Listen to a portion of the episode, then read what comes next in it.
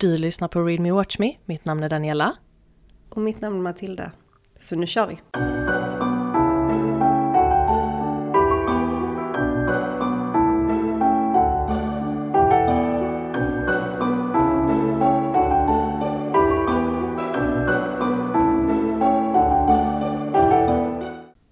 Åh, ännu en vecka. Hej! Hej! Hej! Och ännu en film. Oh yes! Hur är läget? Jo, jag är väldigt taggad. Jag, jag mår bra. Hur är det själv? Jo, det är bra. Jag är lite omtöcknad efter denna helg. Men uh, all is good. Fan vad nice. Nej men det förstår jag. Du står ju för dagens manus.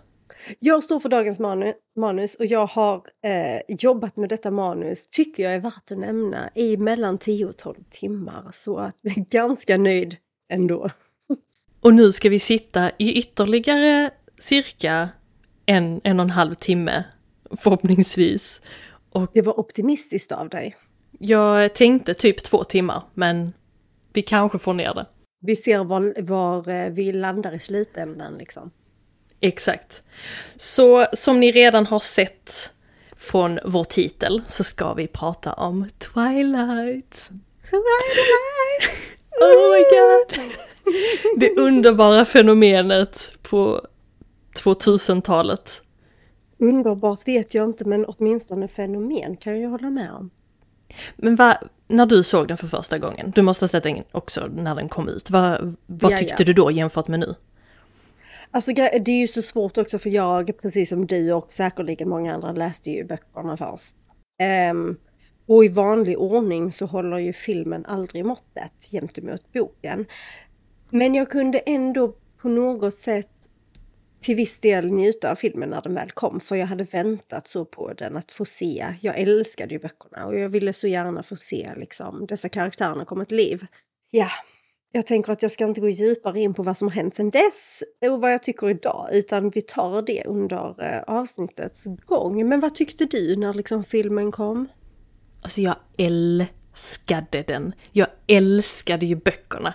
Så att för mig var det ju, jag hade ju hela tiden böckerna i bakhuvudet. Så för mig var det inte så att jag såg filmen och tyckte eh, oh my god den här suger. Utan jag var bara så glad över att äntligen få någon slags visuell bild Ja. av hur Mm. böckerna faktiskt var. Och eftersom vi började läsa dem ganska så tidigt så fick man ju vänta på nästa bok. Så när filmen kom ut så var det bara så här, oh my god, då hade man väntat hur länge som helst och man Ja. ville bara se alltihopa. Och vampyrer var väl lite nytt. En ny grej då. Äh, ny skulle jag ju inte vilja säga. Alltså Dracula var ju ganska stort. Var Om vi det? säger så. Ja, alltså Det ja. Okej. Så att nej, jag skulle, men jag skulle säga att eh, vampyrer under denna tiden kändes som att det fick en ny, någon form av pånyttfödelse. Det blev väldigt stort. Jag vill minnas det som att det var en höst. Och liksom hela, eh, hela vampyrgenren exploderade igen, vilket det inte hade gjort egentligen sen vad jag vet, när, sen Dracula liksom. Ehm, och det kändes som att det kom jättemycket både böcker och filmer och allt möjligt som hade med vampyrer att göra. Och en av dem var Twilight. Ja, men jag tänker mer, Dracula var väl lite mer för en mognare publik. Nu kom det ju plötsligt en vampyr eh, där vi var kanske lika gamla som huvudkaraktären och då kanske man kände en lite mer annan koppling till att oh, de är lika unga som mig och man kunde Men relatera så mer. är det säkert. Så är det nog. Det har du nog helt rätt i. Att det hade liksom inte fun- funnits någon sån här eh, young adult-variant. Som vi vet om i alla fall. Inte som hade nått oss. Åtminstone. Absolut. Så det här avsnittet kommer att vara väldigt långt, så jag tycker att vi hoppar in i det direkt. Låt oss. Och som sagt, boken kom 2016, den första boken, som heter Twilight. Nej. Nej, boken kom 2006. Jag älskar att det första som händer är att vi... vi så, okej, 2016, sen bara Jag, nej. jag har skrivit detta själv, jag bara kör på det. 2006 kom boken Twilight ut och den var cirka 500 sidor lång, vilket ändå är ganska, det är ändå en thick book liksom. Stephanie Meyer, detta var väl lite av hennes debut, hon hade ju inte skrivit någonting tidigare. Hon nämnde ju också att hon, hon var inte riktigt en författarinna utan detta var ju hennes första bok, hon hade skrivit lite under college men det blev ingenting mm. utav det. På Goodreads har den 3,63 av 5 stjärnor och då är det strax över 5,9 miljoner röster. Så 3,63, det är ganska average. Det är ju inte någonting jag hade lagt i min, i min läslista om det hade varit idag.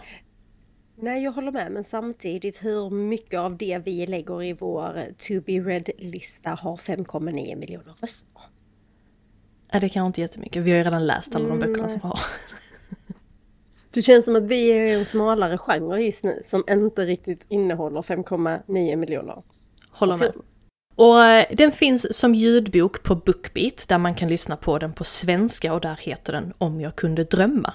Fin titel på svenska! Måste ändå säga det för det är sällan de översätter originaltiteln till någonting fint på svenska, men I like it. Vi har faktiskt en nyhet. Vi har ett samarbete med Bookbeat! Insert applause! Yay! Och med vårt samarbete så är det så här att nya medlemmar, eh, eller nya som registrerar sig, kan lyssna och läsa med Bookbeat kostnadsfritt i 45 dagar. Alltså, du som följer oss kan nu njuta av populära böcker i 45 dagar helt gratis med ljudboksappen Bookbeat. Och ljudböcker är ju ett perfekt sällskap oavsett om du tar det lugnt hemma eller om du är på språng. Bookbeat just erbjuder 500 000 böcker direkt i din mobil eller surfplatta. Du får tillgång till hela utbudet av ljud och e-böcker med allt från spännande deckare eller gripande biografier till härlig film. Villkoret är då att erbjudandet gäller nya Bookbeat-användare och efter gratisperioden så kostar Bookbeat från 99 kronor i månaden och du kan avsluta när du vill. Bookbeat har ingen bindningstid. Koden, som ni alla undrar över, är README sammansatt R-E-A-D-M-E. -E. Och länken hittar du i vår beskrivning. Så kul! Där är ju så mycket eh, ljudböcker på Bookbeat. Så att jag är supertaggad över det här eh, samarbetet. Om vi då går över till filmen som vi har sett idag. Den här kom ut 2008. Är cirka två timmar lång, vilket jag hade helt förträngt. Jag trodde den var kanske en och en halv timme, men nej. Same. På IMDB så har den 5,3 av 10 stjärnor och har strax över 460 000 röster.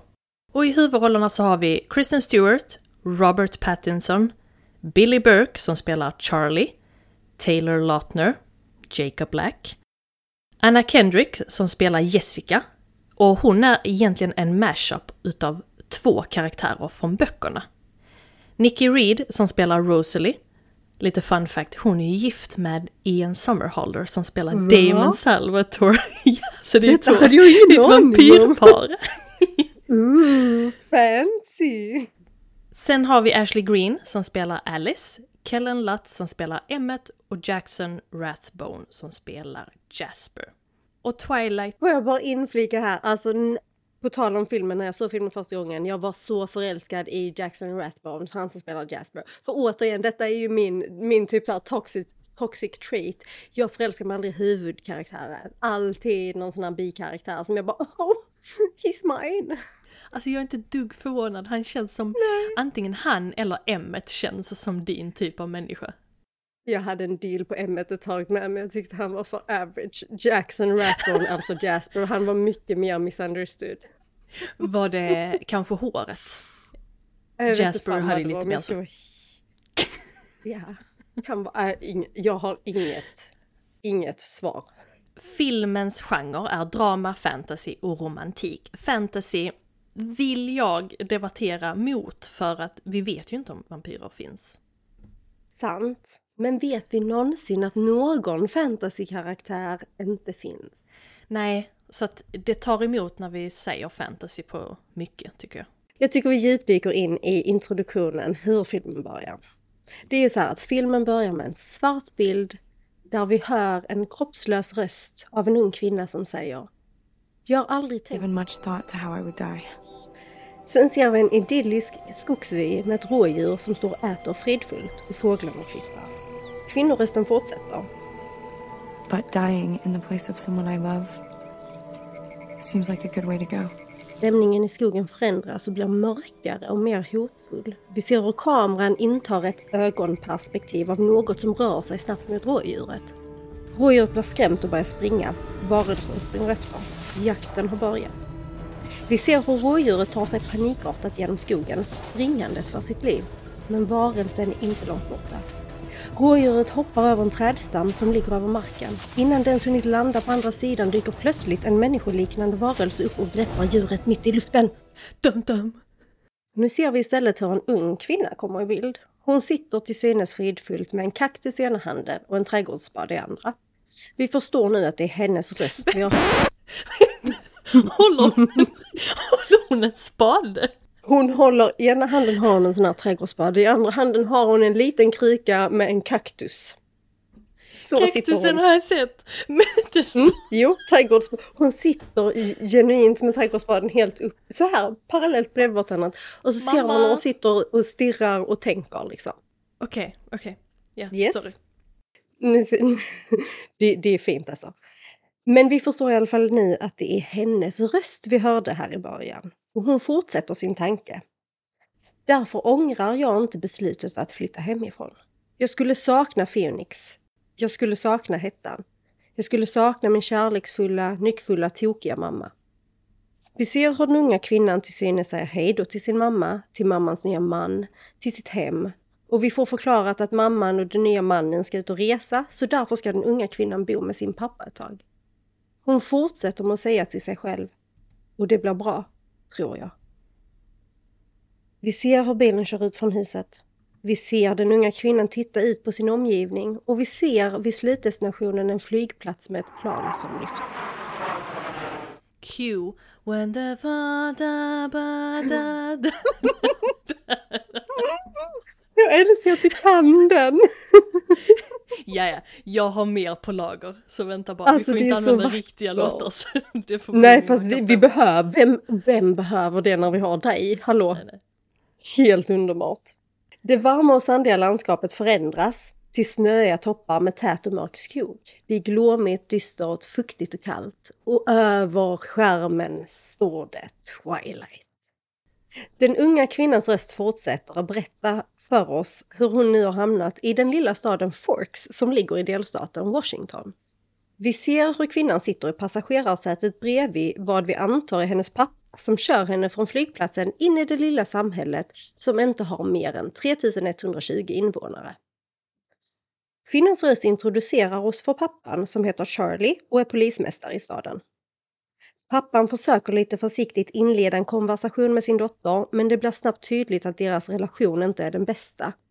De kommer fram till huset och vi hör hur den unga kvinnan tänker Förut var jag här två veckor nästan varje sommar, men det var många år sedan. De hjälps åt att packa ur bilen och bära in hennes saker. Väl inne i huset går de upp för trappan och Charlie, pappan, förklarar att han har tömt några hyllor till henne i badrummet. De går in i hennes rum som bär tydliga tecken på att hon inte varit där på ett bra tag då det är gamla teckningar och annat från hennes barndom som fortfarande pryder väggarna. Charlie försöker igen lite ta fatt med att säga att expediten hjälpt honom att välja hennes sängkläder och frågar om hon tycker om färgen lila. Purple's cool. Därefter lämnar pappan henne i fred för att hon ska kunna göra sig hemmastad. Och så redan här är det cringe. Jag måste bara inflika, redan här är det cringe. För du tycker väl om färgen lila? Lila är fräckt. Jag tycker inte det är cringe än, men det kommer väldigt snart. Kort därpå så hörs en tuta utanför huset vid deras uppfart och den unga kvinnan går fram till fönstret och tittar ner. Och där ser hon en röd sliten pickup och två stycken främlingar. En av dem är en man i rullstol som ser ut att vara i hennes pappas ålder och en ung man som ser ut att vara i ungefär hennes ålder. Charlie kommer ut ur huset och hälsar på männen och det är ganska så tydligt att de känner varandra. Så kvinnan går ner till dem på uppfarten och hennes pappa frågar Minns du Billy Black? och syftar på mannen i rullstol. Och det är här vi förstår då att kvinnan heter Bella. Varpå Bella svarar ja och skakar hans hand. De småpratar lite om att det är roligt att hon äntligen har kommit dit och den unga mannen går fram till henne och intro- introducerar sig själv som Jacob. Uh, hi, I'm, I'm Jacob. We uh, we used to make mud pies when we were little. Right. No, I remember. Samtidigt så ser vi i bakgrunden hur pappan och Billy tramsar och skämtar med varandra, tydligt att de två är väldigt goda vänner. Charlie går fram till ungdomarna och lägger en hand på den röda pickupen och frågar sin dotter vad hon tycker. Bella förstår inte riktigt vad han menar, så han fortsätter med att säga “Din hemkomstpresent”. Överlycklig försöker hon ta in det faktum att hon precis har fått en bil och även om den ser sliten ut så försäkrar Jacob henne att han byggt om motorn helt. Så exalterat så går hon och sätter sig i bilen och samtidigt som hon drar upp förardörren Jag kan inte.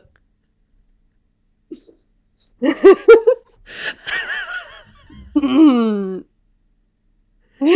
Alltså jag måste bara säga, jag tycker hon är så härligt klumpig i filmen. Alltså bara en sån här Härligt, enkel alltså- grej. Typ som att stå och gå menar du? Alltså för i helskotta. Men det är därför jag tycker att den här lilla grejen som visar att hon då smäller upp dörren i Jacob när han bara ska gå över till andra sidan. är En sån bra grej på att visa liksom att aha, du är riktigt, riktigt Du är sån. Ja, Du precis. den. Ja, jag håller med. Jag håller med. Så hon smäller. Åh gud, jag svettas till och med nu. och det, händer är ju, det är ju du som brukar svettas, inte jag. Ja, du vet när man bara, det är inte så jävla kul är det inte. Men Fast lik nej. fan fastnar man i skrattet ändå. Exalterat går hon för att sätta sig i bilen. Samtidigt som hon drar upp förardörren så smäller hon också till Jacob med den när, hon, när han passerar förbi för att komma runt passagerarsidan. Lite stelt och försiktigt, försiktigt så ber hon om ursäkt. Oh my gosh! Th- this is perfect. You're joking. Sorry. Jacob sätter sig bredvid i bilen och förklarar hur hon ska göra för att växla. Och Bella frågar honom om han vill åka med henne till skolan men Jacob förklarar att han går i en skola på reservatet. Bella säger, ja just det, synd, det hade varit kul att känna en person. Bella anländer till skolan och kör in på parkeringen. De andra ungdomarna stirrar när de stannar bilen. Min första dag i den nya skolan. Det är mars, mitt i terminen. Härligt. Hon hoppar ut och får direkt en kommentar. Fin kärra. Hon tackar försynt och går in i skolbyggnaden. I korridoren står hon vilset och bläddrar i några papper och försöker hitta vart hon ska när en ung man dyker upp och säger Du är Bella Swan, den nya tjejen. Jag är Eric, skolans ögon och öron. De börjar gå tillsammans. Han fortsätter. Säg till om du behöver en guide, en lunchdate eller en axel att gå mot. Bella svarar. Jag är mer lida i tysthet-typen. Bra rubrik på din artikel. Jag skriver i tidningen och du ska vara på första sidan.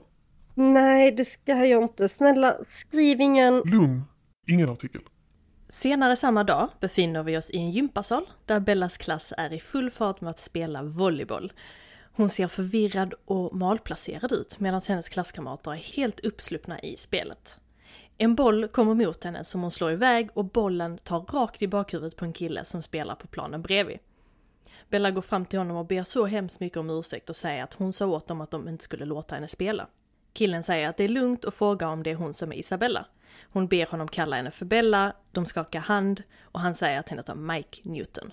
En av Bellas klasskamrater kommer framspringande och säger flörtigt till Mike. She's got a great spike, huh? I'm Jessica, by the way. Hey, you're from Arizona, right? Yeah. Aren't people from Arizona supposed to be like really tan? Yeah. Maybe that's why they kicked me out. Både Mike och Jessica börjar skratta och därefter så återgår, återgår de till spelet. Ännu senare samma dag och vi är i matsalen slash kafeterian. Bella och Mike sätter sig ner vid samma bord som Eric som redan sitter och pratar med sina kamrater och bland annat Jessica är där. Killarna börjar tjafsa om vems kompis Bella är och i samma veva dyker en annan kille upp vid deras bord och pussar Bella på kinden och menar på att hon är hans kompis. Och det är här, det här. She's my girl. Ja, Va? ja. Va? Ja. Va? You filthy lips. Get the fuck out of my cheek. Där, det var här jag tyckte det var jättecringe, jag hade helt totalt glömt bort det. Men det är så konstigt. Han kommer springandes från absolut ingenstans och bara She's my girl. Okej. Innan killen springer därifrån så drar han bort stolen under Mike som trillar ner på golvet och sen hoppar upp och springer, där, springer efter honom. Det är en stökig och högljudd miljö. Jessica hoppar närmare Bella och skämtar om att det är som går i ettan igen. Från ingenstans dyker en tjej upp på andra sidan bordet med en stor kamera som hon trycker upp i Bellas ansikte och säger omelett eller smile. Bella blinkar till av den skarpa blixten för när tjejen oförberett tar en bild av henne. Tjejen med kameran sätter sig ner och ber om ursäkt men menar på att hon behöver en bild till artikeln. Eric svarar irriterat. Artikeln är död, Angela. Säg ingenting. Sen reser han sig abrupt. Angela ser nedslagen ut. Bella försöker släta över det hela med att säga det är lugnt. Eric avbryter henne. Jag skyddar dig, baby. Baby! Jag vet Alltså inte. vad händer? Vad, är det som försiggår? Alla bara tar på henne. Alltså det, det är ju inte okej alltså. Tjejerna sitter nu ensamma kvar vid bordet och fortsätter prata om vad de skulle kunna ha i tidningen istället för artikeln om Bella. De skrattar lite sinsemellan när Bella tittar ut genom fönstret och ser en grupp ungdomar på ingång. Hon frågar Jessica och Angela vilka de är. Angela svarar lite tyst. The Collins. They're, um, Dr. and Mrs. Collins' foster kids. They moved down here from Alaska, like, a few years ago. They kind of keep to themselves. Yeah, because they're all together. Like, together, together. Um, the blonde girl, that's Rosalie. And the big dark haired guy, Emmett. Alltså jag måste avbryta här. Denna man håller en plastpåse med ägg. En genomskinlig plastpåse med typ ett dussin Alltså. ägg. Varför gör han det? They're like a thing. I'm not even sure that's legal. Yes, they're not actually related. Yeah, but they live together. It's weird. And okay, the little dark-haired girl is Alice. She's really weird. And um, she's with Jasper, the blonde one who looks like he's in pain. Um, Dr. Collins like this foster dad slash matchmaker. Maybe he'll adopt me. Who's he?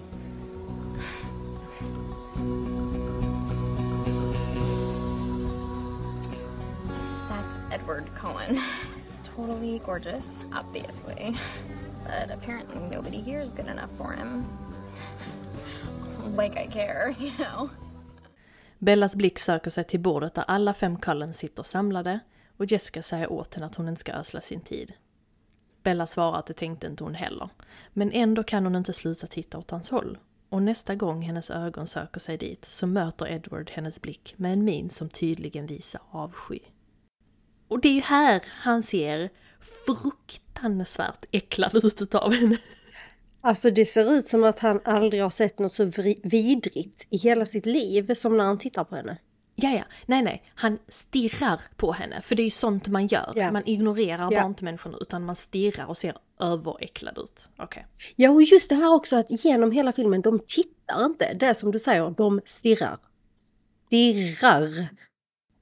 Nästa lektion så tar Mike med sig Bella och introducerar deras lärare i typ naturkunskap, biologi, någonting sånt. Mike går och sätter sig längre bak i klassrummet och Bella står kvar där framme vid läraren som av någon anledning som vi inte vet har en stor fläkt bredvid bord. Tack! Fläkten, Kan vi prata om, fläkten. Alltså, kan vi prata om fläkten? varför finns den där? Det är kallt, det regnar alltid i Forks. Men vänta, vi sätter igång fläkten för det är så jävla varmt här inne. Nej, det Ja, är du det vet, vi pratar ju inte den här lilla bordsfläkten, vi pratar, pratar typ om en sån här en meter i diameter fläkt. Jättekonstigt. Okej, i alla fall. Bella står kvar framme vid läraren som då har en stor fläkt bredvid sitt bord. Fläkten blåser på Bella och vi ser hennes hår bölja. Samtidigt ser vi Edward som tittar på Bella och blir stel som en pinne. Typ stel som att han har fått en pinne uppkörd i röven i exakt denna stund. Så stel blir han. Han blir så obekväm att han nästan inte kan sitta kvar på stolen. Och jag menar detta, alltså han, han typ rör sig så att han nästan trillar av sin stol. Hans hand rycker upp för att hålla över hans näsa och mun. Det ser ut som han ska skadespy när som helst. Och Bella ser besviken ut! Det hade jag med gjort! Vad fan! Alltså, det är är det jag som luktar illa eller vad är det som händer?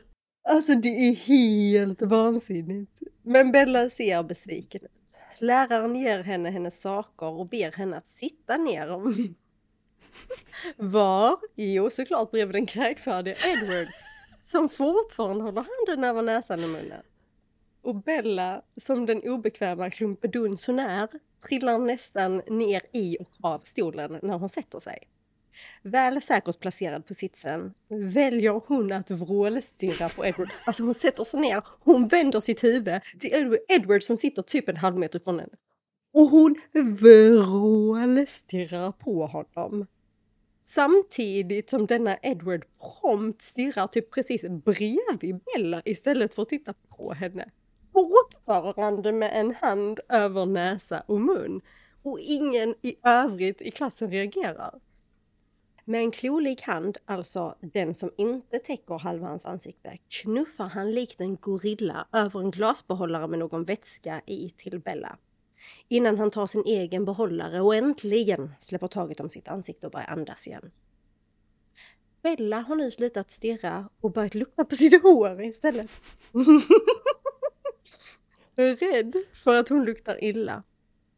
Men snabbt överger hon hårluktandet och börjar stirra på Edward igen. Denna gången stirrar Edward tillbaka med en blick som jag absolut inte kan tyda. Typ, tänk dig Austin Powers fast lite mer subtilt. Lite mer subtilt. Typ Do, I make you horny baby? De, den minen. För er som vet, ni vet. Bella ser besvärad ut resten av lektionen och Edward fortsätter att stirra på henne. Fram tills klockan äntligen ringer och han springer ut. Och efter lektionen så kommer Bella in till typ någon reception till syon eller någonting sånt. Och där inne står Edward och hon råkar höra honom när han pratar med den här syon eller vad det är. När han försöker byta till någon annan lektion så att han inte ska behöva sitta med Bella. Men han får till svar att alla andra klasser är eh, fulla. Och då stormar han för, förbi Bella samtidigt som han säger högt och tydligt ändå, tydligt nog för att hon ska höra det, säger att han helt enkelt får försöka stå ut. Jag visste inte att man kunde byta lektioner i high school. Alltså, för det här blev lite mer som college att, nej men jag byter lektion för jag vill inte ha det ämnet. Men det här är ju biologi, detta måste du ju ha i high school, tänker jag. Men det, det kanske är så att han, där finns andra klasser som också har biologi och han vill byta så att han slipper vara just Bellas klass. Det är säkert så de menar. Skoldagen är slut och Bella äter middag med sin pappa ute på ett diner som visar sig vara hans favoritdiner och säkert det enda dinert i hela Forks. Alla känner igen henne från när hon var liten men det är tydligt att hon känner sig malplacerad och inte riktigt känner igen alla dessa människor. Och väl hemma i sitt rum gör hon sina läxor samtidigt som hon pratar med sin mamma på telefon. De pratar om att de saknar varandra och hur Bella har det på sin nya skola. Bella är inte intresserad av ämnet och avslutar snabbt samtalet. Nästa dag på skolparkeringen så står Bella vid sin bil och hon har bestämt sig för att konfrontera Edward. Hon vill ta reda på vad hans problem är med henne och så ser hon hur Collins kommer körandes in på parkeringen. Och när de först börjar köra in så kör Jasper. Där är ingen annan i bilen, förutom Jasper och Emmet. Men Emmet står ut genom takfönstret. Han står alltså på sätena ut genom takfönstret och bara jag vet inte vad Emmet har problem med mycket tror jag det känns som i alla fall. Alla Cullens är där förutom Edward och de alla stirrar på henne. 'Cause why not? Flera skoldagar går utan att Edward dyker upp och hon är mer förvirrad kring vad det var som hände. Och här kommer en av mina favoritlåtar från denna filmen. Ha ha ha ha ha Ha ha Jag måste bara säga jag måste bara säga att Danny har också tagit sig friheten att i manuset verkligen skriva in låten ha ha ha så att vi tydligt Jag tror jag skrev in det ganska bra. Ha, oh, jag tycker det är jättefint. Alltså så bra! Älskar den! Tredje dagen utan att Edward är i skolan så får man se hur Collins sitter vid lunchbordet och ännu en gång försöker efterlikna människor. För det är det de försöker göra när Emmet kommer in med den här påsen med ägg. Att de försöker efterlikna vad människor äter eftersom de inte äter riktig mat. Men denna gången så är det lite lite, eller jag skulle inte vilja säga att det är konstigare, för jag tycker påsen med ägg är jättekonstig. Men det är lite minimorötter som Rosalie äter och är lite utspridda, där ligger till och med en liten minimorot långt ifrån allihopa på kanten av bordet och bara är där. Och sen har hon typ så här en stor bit goda ost framför sig. Och Emmet plockar upp en banan som då har legat, den har liksom, han har öppnat den. Men, typ och typ tagit en bit för att sen muscha den på, muscha den på bordet och sen äta den igen.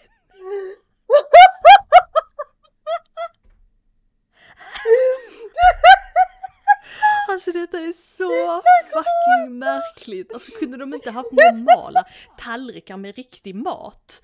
Men Nej. också att dessa ska föreställa då, de ska ju egentligen vara jätte Alltså de är ju mång, de är gamla. De är jättegamla. Har de inte lärt sig hur svårt? Maten är ju typ det lättaste. Jag fattar inte. Det är ju bara att gå i lunchkön, ta det andra tar och bara, och bara ha det framför sig. Men nu är det massa snacksgrejer. Men den här mushade bananen gör mig livrädd. Alltså vet du hur mycket bakterier det finns på ett lunchbord på ett gymnasie? Alltså, det är svinäckligt. Jag gråter!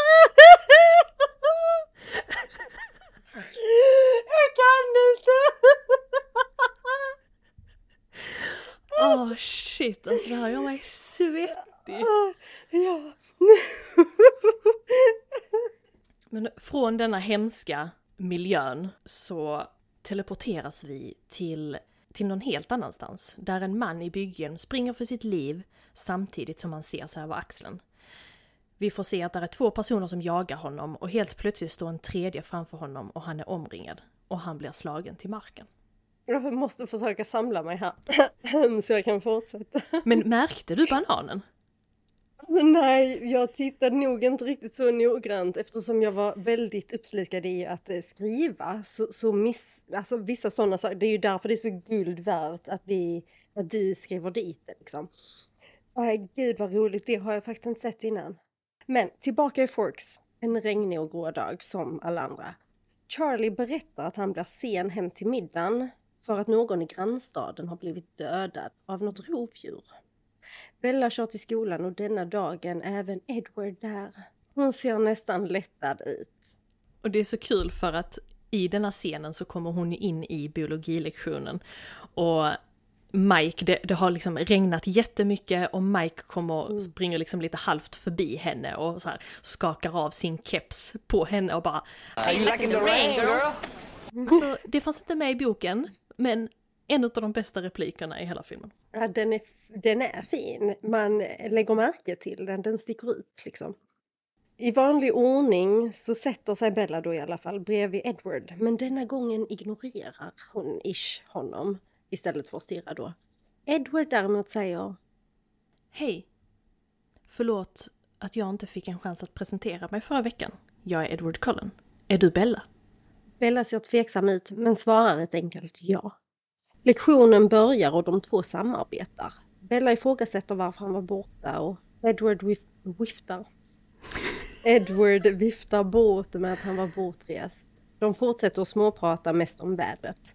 Bella säger att hon inte gillar vätan och kylan, varpå Edward skrattar. Helt plötsligt pratar de om Bellas familjesituation och är ganska buddy-buddy med varandra. Ett sorgset piano hörs i bakgrunden. Alltså denna scenen är jättekonstig i min värld, men ja. De är helt plötsligt jättebra. Så här. No biggie. Och så ett sorgset jävla ensamt piano som bakgrundsmusik. Efter lektionen går de i korridoren och samtalar som de nyfunna bästisar de är. Bella frågar om Edward skaffat kontaktlinser så som han gör med helt nyfunna kompisar. Eddie säger nej och Bella förklarar att hans ögon var svarta sist hon såg honom, återigen så som man gör med nya människor man inte känner. Och att de nu är gulbruna. Edward säger typ, ja, jag vet, det är ljusrören. Innan han stormar därifrån. Helt rimlig förklaring. Ja, man brukar ju bara lämna eh, konversationer man inte riktigt gillar. Ja, men och ofta också att man brukar typ din ögon har ändrat färg. Jag känner inte dig men har du linser? Det hade inte varit så konstigt. Har du linser? Du tycker... Ja men, ja men... Om personen säger nej, hade du då bara men dina ögon var svarta sist vi såg ut nu är de faktiskt gulbruna. Jag hade nog kunnat säga en sån sak. Du hade nog det. Är det creepy? Är det en red flag? Nej, det, det, det, nej men det är ju en red flag att han säger det är mm, Ljusrören. och sen springer därifrån typ. Det är fucking en red, red var det? En red flag. Jag vet inte, hela scenen är konstig, deras jargong är helt uppåt väggarna liksom. Slutet av skoldagen och de båda står på var sin sida av parkeringen och glor på varandra. Alltså det här är liksom flera, flera meter ifrån varandra. En van kommer plötsligt i 180 km i timmen och nästan mosar Bella, men helt plötsligt från ingenstans så är Eddie där och knuffar bort vanen med en hand. Bella tittar på hans hand på bilen och tillbaka på honom. Och Ed, Ed, jag tror att snart kommer vi bara börja kalla honom E. Edward, Eddie, Ed, E. Och Eddie ser typ ut som att han har fått en stroke. Han släpper taget om henne och går därifrån. Bella halvsitter kvar på asfalten och tittar på den tillknycklade dörren där Eddies hand nyss var. Ingen reagerar på att Edward var där, gick därifrån eller att Bella var mirakulöst oskadd. Och i boken, när detta har hänt, så, för i filmen så ringer ju Angela till sjukhuset tror jag, där blir jättemycket uppståndelse och, om att hon liksom har blivit träffad. Men i boken så följer Edward till och med med i ambulansen där han då gör en deal med, med Bella. Om hon då berättar en falsk version av det som hände så kommer han att berätta sanningen för henne. Och det går ju hon då med på och vinner hans förtroende. Så det var en stor shift i, eller en stor ändring. Absolut, det hade jag faktiskt glömt helt och hållet att det var så. Nästa scen och vi är på sjukhuset där Charlie då är orolig för Bella och läkaren Dr. Cullen kommer för att undersöka henne. Oh yes. Hon är inte skadad konstaterar han, men att hon kan vara lite uppskakad. Och innan de lämnar sjukhuset så ber Charlie eh, Bella att ringa sin mamma för att han har ju då meddelat henne vad det är som har hänt.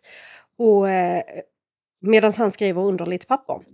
Bella går då lite avsides för att ringa det här samtalet. Men när hon går iväg där så ser hon Dr. Cullen tillsammans med Edward och Rosalie.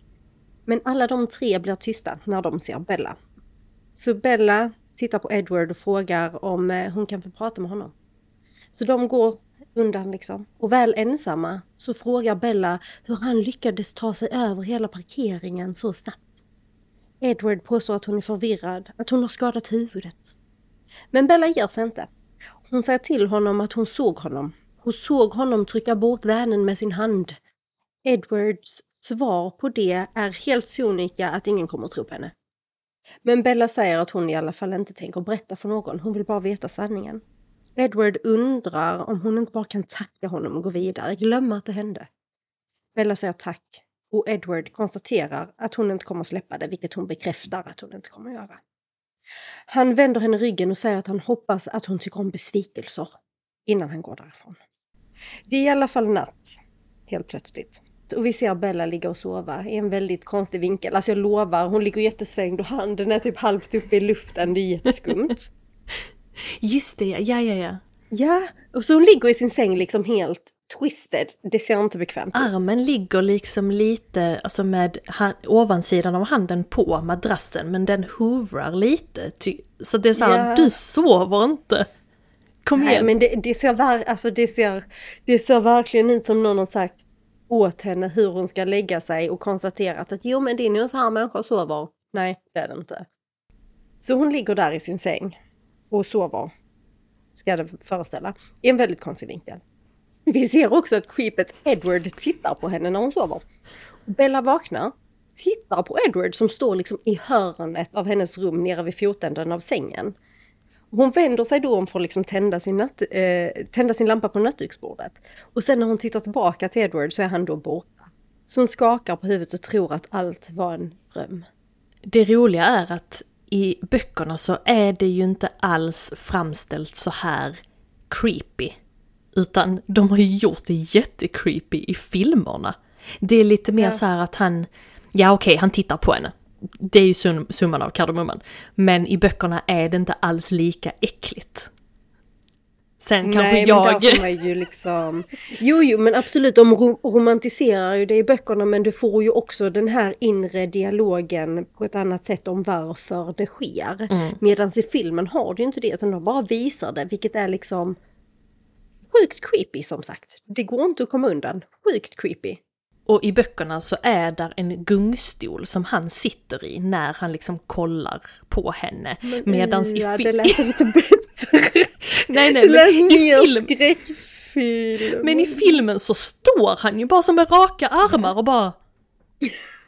Det är väl ännu mer creepy. Jag hade i alla fall velat att de skulle göra så här hemmastad medan de kollar på mig. Men inte, inte så bara...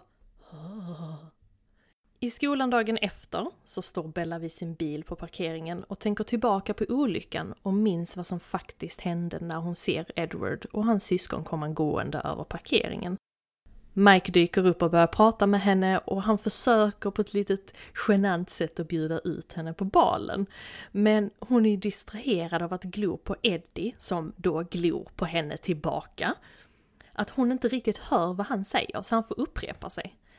Bella försöker säga att hon är upptagen, att hon har andra planer och hon säger till honom att bjuda Jessica istället. Deras lärare ropar på dem från skolbussen när de ska gå på, för de ska ju på klassutflykt. Klassutflykten är i ett växthus där de ska prata om kompost. Edward börjar prata med Bella om vad hon ska när det är bal. Hon svarar inte utan kontrar med att han inte svarar på hennes frågor, så varför ska hon svara på hans? Edward börjar då förklara att han kunde stoppa vanen enbart för att han fick en adrenalinkick. Bella snubblar såklart och Eddie håller henne upprätt och han blir lite, blir lite irriterad över att hon i alla fall kan kolla vart du går. Han ber också om ursäkt för att han betett sig illa mot henne, men att det är bättre att de inte är kompisar. Och Bella tycker att han hade kunnat tänka på det innan, om det är så att han känner så. Så kunde han ju lika gärna ha låtit vanen krossa henne, så han hade sluppit ångern. Det är också så jävla dramatiskt. Ungefär som vill du inte vara kompis med mig, varför lät du inte mig dö då? Leave me to die then. Edward frågar henne om hon tror att han ångrar att han räddar henne. Bella svarar att hon ser det på honom. Han säger till henne att hon inte vet någonting. Edwards syster Alice, syster, syster Alice. Edwards syster Alice kommer fram och frågar om hon ska med dem. Edward svarar innan Bella hinner att deras buss är full. Ytterligare en skoldag. Bella kommer in i kafeterian och hennes blick möter Edwards en kort stund innan hon går till sina kompisar och pratar om att de ska hänga efter skolan. Bella går för att ta mat och medan hon står och typ leker med maten så kommer Edward fram till henne. Alltså detta är den sjukaste grönsaksbuffén i en skola jag har sett. Och hennes, hennes, ja, är hon vegetarian? Jag tror nästan det. Så är det kanske, det har jag, Jag för på. mig det, för att den här skålen hon tar mat i, det är ju bara sallad, minimajs. Vad heter vit broccoli? Eh, Åh nej, blomkål! Jesus Christ! Blomkål och tomater i. Vad heter vi? Jag förstår exakt men det var bara så jävla bra. Jätteweird matskål i alla fall, men ja. Mm. Men du kan ha helt rätt i det, jag har aldrig reflekterat över det. Men det skulle vara väldigt vettigt för kommande liksom eh, händelseförlopp. Jag tror det för att hon beställer vegetarisk mat på Dinert. Och en viss person som gör en cameo i denna filmen beställer också en vegetarisk rätt. Men vi går in på det senare. Spännande för detta minns inte jag. Ooh. Okej. I alla fall. Edward kommer fram till henne. Hon blir skrämd som den hare hon är och tappar ett äpple som Edward typ lite snyggt räddar genom att kicka upp med foten och sen fånga i sina händer och sträcker fram äpplet igen till Bella. Det här är så kul för att den här tagningen tog 13 gånger att göra för de har äpplet i en typ fiskelina. Så att hon håller inte ens i äpplet utan hon står och håller på med sin mat och sen så kommer han och säger någonting och så bara puttar hon ner äpplet så att den åker ner på hans fot och då tas upp av den här fiskelinan in i hans händer så att den hamnar på perfekt, i perfekt vinkel liksom i händerna. också att de tyckte det var värt att ha med det så att de verkligen skulle göra den efforten och ta det 13 gånger. Ja, de ville väl ha med det på grund av att det är omslaget på första Ja. boken. Nu kommer vi in i lite trevlig dialog. Jag tänker jag är Bella, du är Edward. Så eh, i alla fall, Edward sträcker fram äpplet till Bella. Och Bella säger Dina humörsvängningar ger mig pisksnärtskador. Vi bör inte bli vänner, men jag vill det.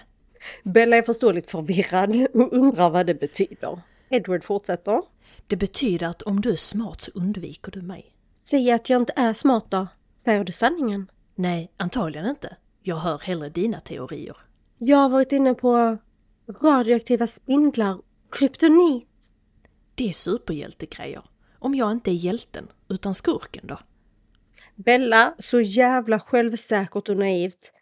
Är du inte? Jag ser vad du försöker göra, men det är för att hålla folk borta. Det är en mask. Varför kan vi inte bara hänga? Eddie skrattar till och Bella fortsätter. Alla ska till stranden. Följ med för att ha kul. Vilken strand?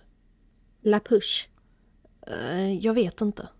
Är det något fel på den stranden? Det är bara lite mycket folk. Bellas kompisgäng åker i alla fall till La Push. Och vissa gänget förbereder sig för att surfa när Jacob och hans kompisar dyker upp. De börjar prata om Cullens. Får jag bara stoppa dig? Innan Cullens kom, nej, innan Jacob kommer. Så den här killen som nästan körde över Bella på skolgården, han är ju med där. Och han tar sin bräda så säger han typ I'm going in. Och sen, för alla tar på sig sina våtdräkter, men han går i en dunväst utan våtdräkt. Va? Jag vet inte, jag bara kände så. Va? Dunväst? Vad Vad random. Ja, det var jättekonstigt. Det var bara en liten side note. Jättekonstigt.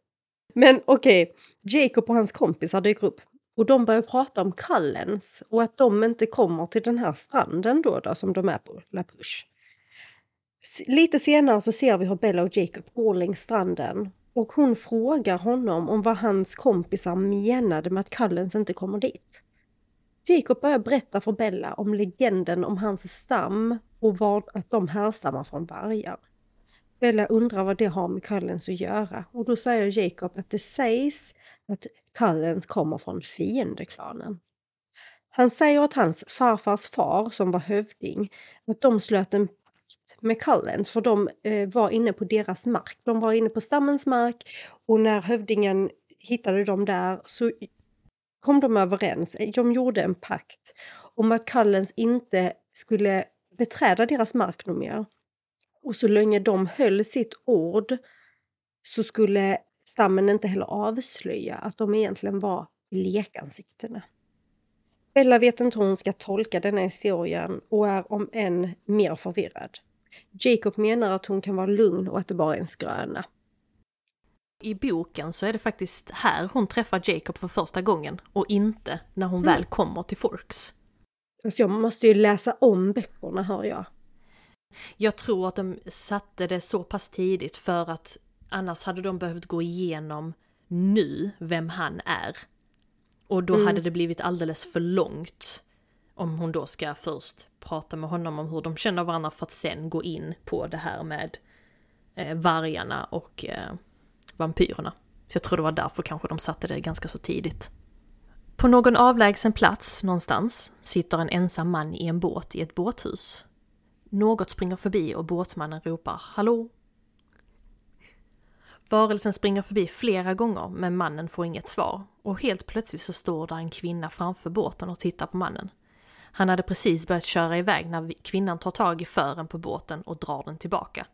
Mannen tittar på kvinnan och skrattar lite. En halvnaken man hoppar ner i båten och han börjar prata med den intet ont anande båtmannen. En tredje dyker upp och även denna en man och han säger till sina kompisar att de inte ska leka med maten och syftar då på båtmannen. Nästa scen så ser vi hur Bella sitter hemma och googlar legenden om vargstammen och blekansiktena. Väl i skolan och solen skiner för första gången sedan Bella kom till Forks. Jessica ser att Bella söker med blicken för att hitta Eddie Boy och hon säger till henne att han inte är där.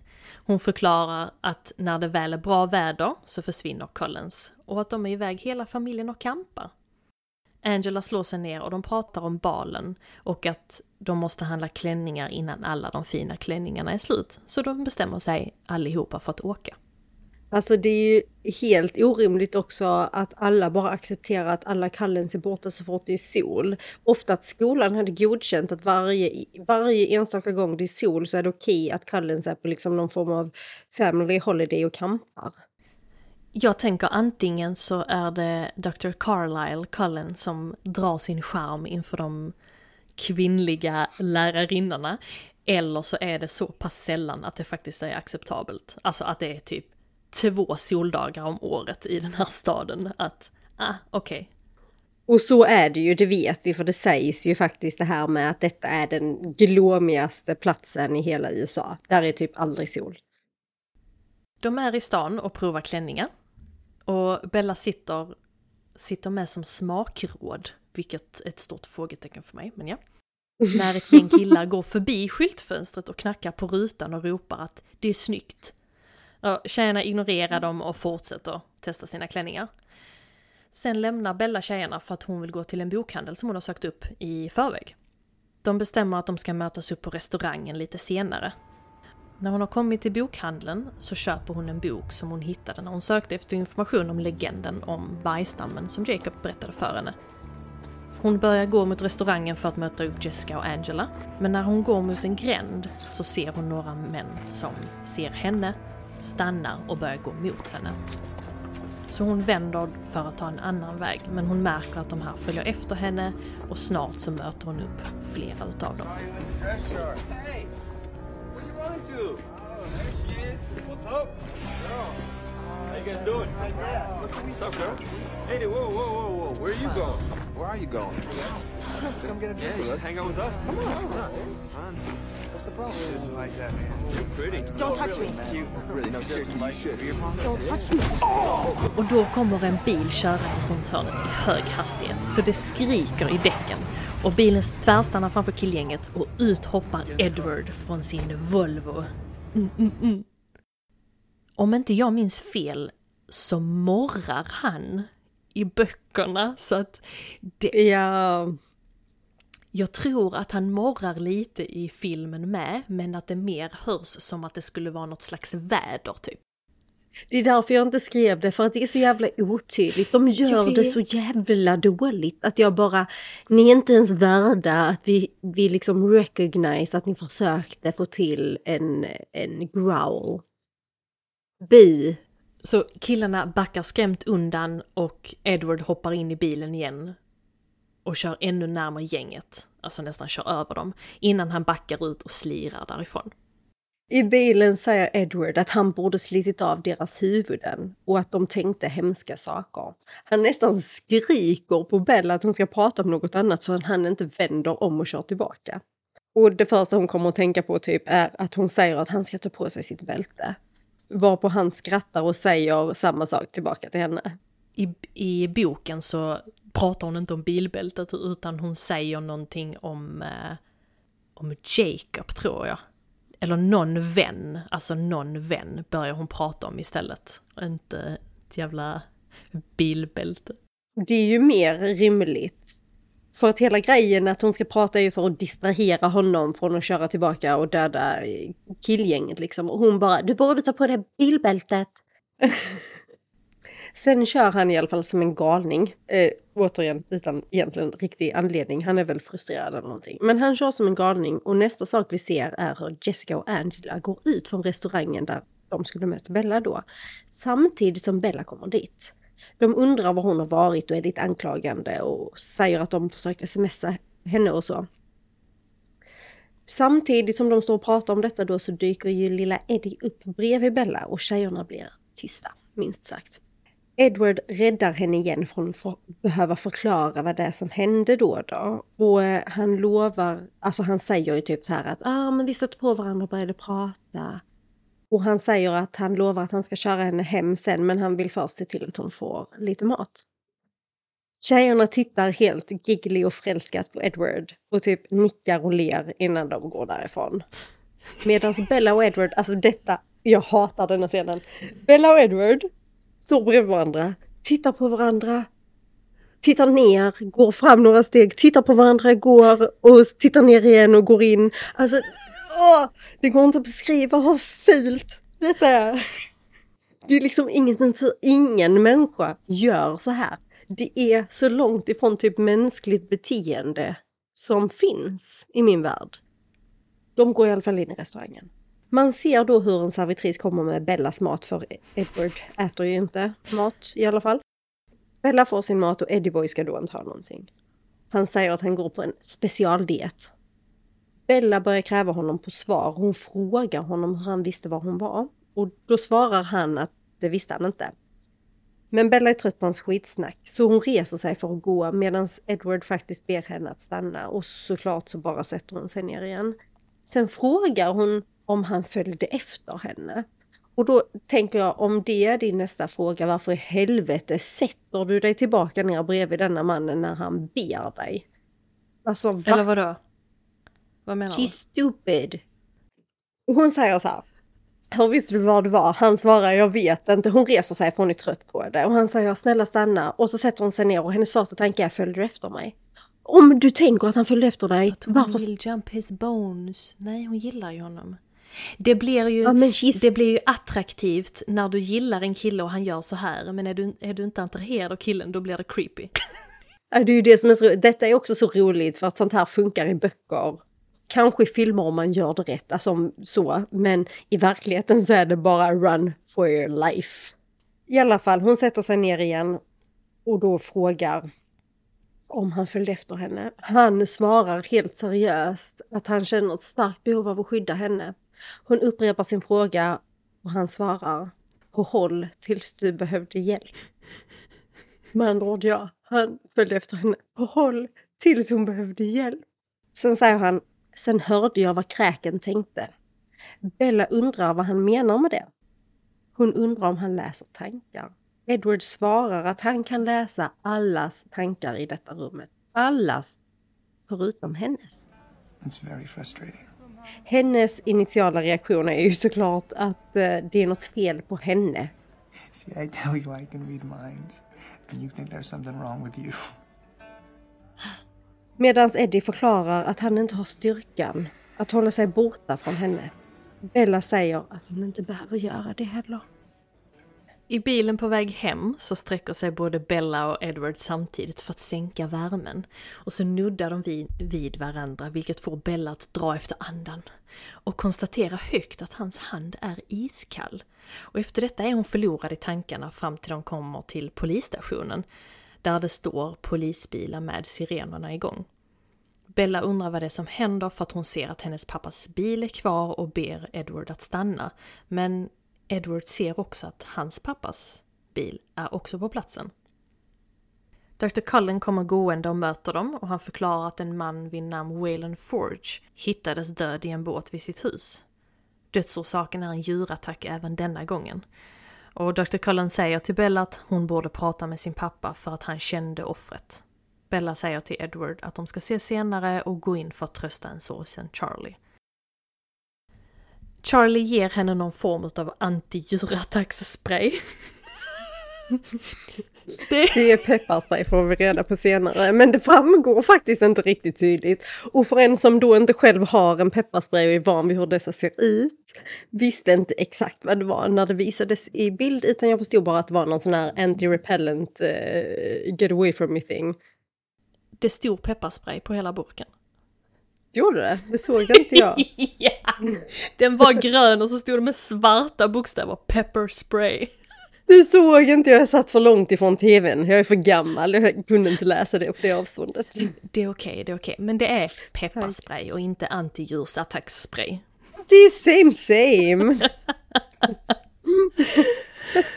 Eh, så hon får den här sprayen och sen går de ut med Charlies bil och utanför så ser Bella hur det kommer körandes med liket på en bår. För det första, varför är den på polisstationen? Borde inte den vara på sjukhuset? Ingen aning. Om, eller kanske sjukhuset är i samma bygg... Jag vet inte. Det kommer en bår, liket ligger på båren, man ser fötterna. Ja. Var, varför skulle de inte skylla dem typ? Ja. Och då går då hennes tankar till eh, Edward och hans kalla hand. För det är ju det, det är ju det man brukar dra. Man tänker död Ja. kropp, Edward är kall. Bara, "Åh, det är därför han är kall. För han är död! Han är död! Ja. är han ju död, men ja. Ja, ja, men det är ju ändå, oavsett hur död han än är, så är det fan inte dit ens normala tankegång går bara för man ser en död kropp och har känt någons kalla hand. Nej, alltså, jag hade ju svimmat på plats om jag hade sett en död människa. Ja, och framförallt så tänker jag att jag har kalla händer hela tiden. Inte fan hoppas jag att folk går och tänker att jag är död. Vad coolt om folk tror att jag är vampyr! Fett. Det är det. Eller hur? Hemma i sitt rum så ödslar hon ingen tid utan hon öppnar direkt sin nyinköpta bok och läser på mer noggrant vad legenden egentligen säger om blekansiktena. Odöda, snabbhet, styrka, blod, vampyr.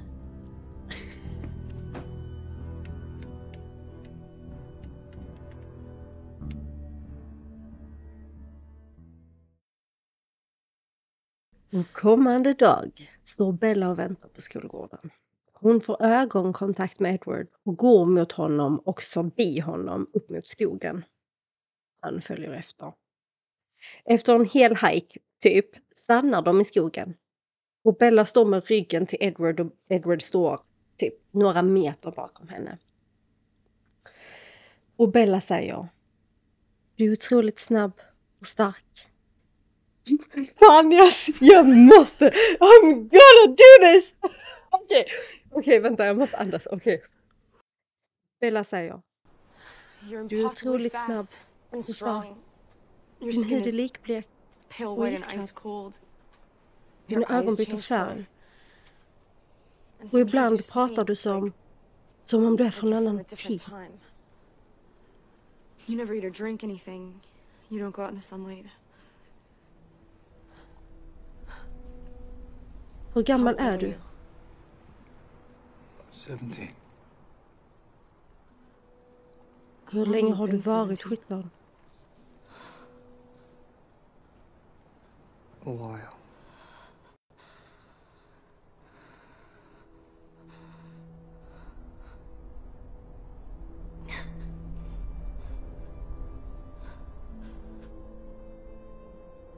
I know what you are. Edward, som nu då står precis bakom Bella, Säg det. Högt. Säg det.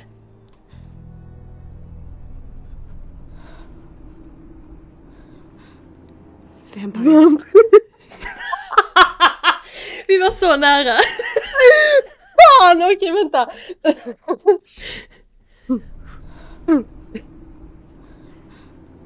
Vampyr.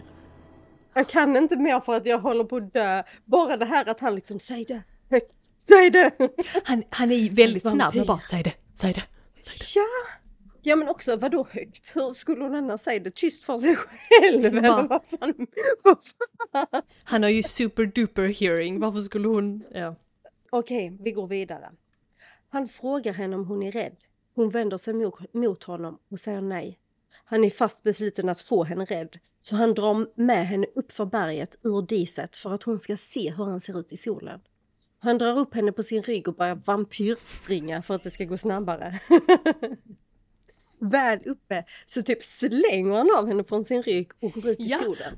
Han är faktiskt skittaskig där, han bara... Ja men han är ju ett rövhål, så är det ju. Men när han då, han går ut i solen och där så knäpper han upp sin skjorta så att hon tydligare ska se. så att hon tydligare ska se och bli skräckslagen över hur han ser ut i solen. Och när han vänder sig mot henne så möts hon av den fasansfulla synen av att han glittrar. Alltså och då menar vi typ Ghost antiklimax! face. Ja men det är ju det för han bara jag är ett monster jag ska visa dig och så bara kubbar han upp och så bara typ öppnar upp hela sin skjorta och sen vänder han sig så att hon ser hur han glittrar. Typ Man hör till och med glittret. direkt glittrar i solen. Det är så dåligt. Jag måste bara säga att första gången jag såg den här filmen var säkert inte på bio utan någon Nej. konstig kopia på datorn. Men det här var så dålig kvalitet, så när han väl vänder sig så ser jag ingen skillnad. Så jag fattar ju inte att han glittrar förrän jag har typ sett den med bra kvalitet. Så jag bara ah! Jag har typ sett den tre gånger utan att ha sett att han glittrar. Jag fattade aldrig grejen med att han skulle vara något märkligt i solen. Jag trodde han skulle brinna upp eller något. Ja men det sjuka är ju att han, även om man har bra kvalitet, för det är samma för mig, jag såg den också på någon sån här shady ass kopia med typ alldeles för lågt pixelantal. Så det är bara jättesuddigt alltihopa. Men även nu när jag ser den i väldigt bra kvalitet så tycker jag bara alltså det är subtilt. Om han ska glittra så ta i för fan. Vad håller ni på med? Man ska inte behöva noggrant ta på sig mormors glasögonen för att kunna se vad det är som försiggår. Och inte nog med det. Alltså helt seriöst, ska detta vara ett tydligt bevis på vilket monster han är? Men jag tyckte att han glittrade tillräckligt. Nu vet jag inte om det faktiskt kan vara så att eftersom du inte såg pepparspraystexten på pepparsprayburken så kanske inte du såg att det glittrade tillräckligt. Det, det kan faktiskt vara så men då hävdar jag ändå starkt att jag representerar en stor del av folket som tittar på dessa filmerna ändå och då tycker jag att de inte har gjort det bra nog oavsett. Okej. Okay. Jag håller fast vid det. Vi går vidare. Edward tittar på henne med avsky över sig själv och Bella utbrister att det är som diamanter. Hon säger till honom att han är vacker. You're beautiful. Beautiful. This is the skin of a killer, Bella. Han hoppar in i skuggan igen, alltså hoppar. Hon följer efter honom och han pratar om hur dödlig och farlig han är. Han springer runt för att visa hur snabb han är. Han hoppar jättesnabbt ner från stor sten. Han typ så här, jag ska skrämma dig, så han börjar springa runt i skogen så att hon inte typ ser honom. Och sen mm. hoppar han ett så här vampyrsupersnabbt hopp ner för en sten. Så liksom, jaha. Och sen drar han upp en rot och slänger iväg den för att visa hur stark han är. Han säger att han är skapad för att döda. Bella bryr sig inte. Inte ens om att han har dödat folk innan. Han berättar hur han ville döda henne. Att han aldrig velat ha en människas blod så mycket som han vill ha hennes. Hon säger bara, hon säger bara att hon litar på honom. Fast de inte känner varandra vill jag poängtera. Han vampyr springer runt igen och försöker göra henne rädd gissar jag.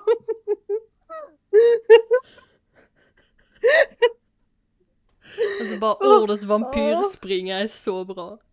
Det är ju så. Helt plötsligt sitter han i alla fall som en fågel på en gren och berättar att han och hans familj bara dricker djurblod. Va, vad gör han uppe i trädet? Han har ju redan vampyrsprungit och vampyrhoppat. Han ska skrämma henne! Han sitter verkligen som en fågel i ett träd. Och så berättar han i alla fall att, bara han, att hans familj bara dricker djurblod. Och sen går han vidare med att berätta att hennes blod är som hans privata heroinsår. Alltså, ja, ja. Så Edward slits mellan hans begär för henne och hans kontroll över sig själv. Bella är bara orolig för över att förlora honom. och jag vet inte alls när det hände för att det är också så här, de har gått från att typ inte ens prata med varandra till att nu så vet hon inte hur hon ska leva utan honom. Han lägger en hand på hennes bröstkorg och säger So the lion fell in love with the lamb. Och då står de och stirrar på varandra mellan två stenar.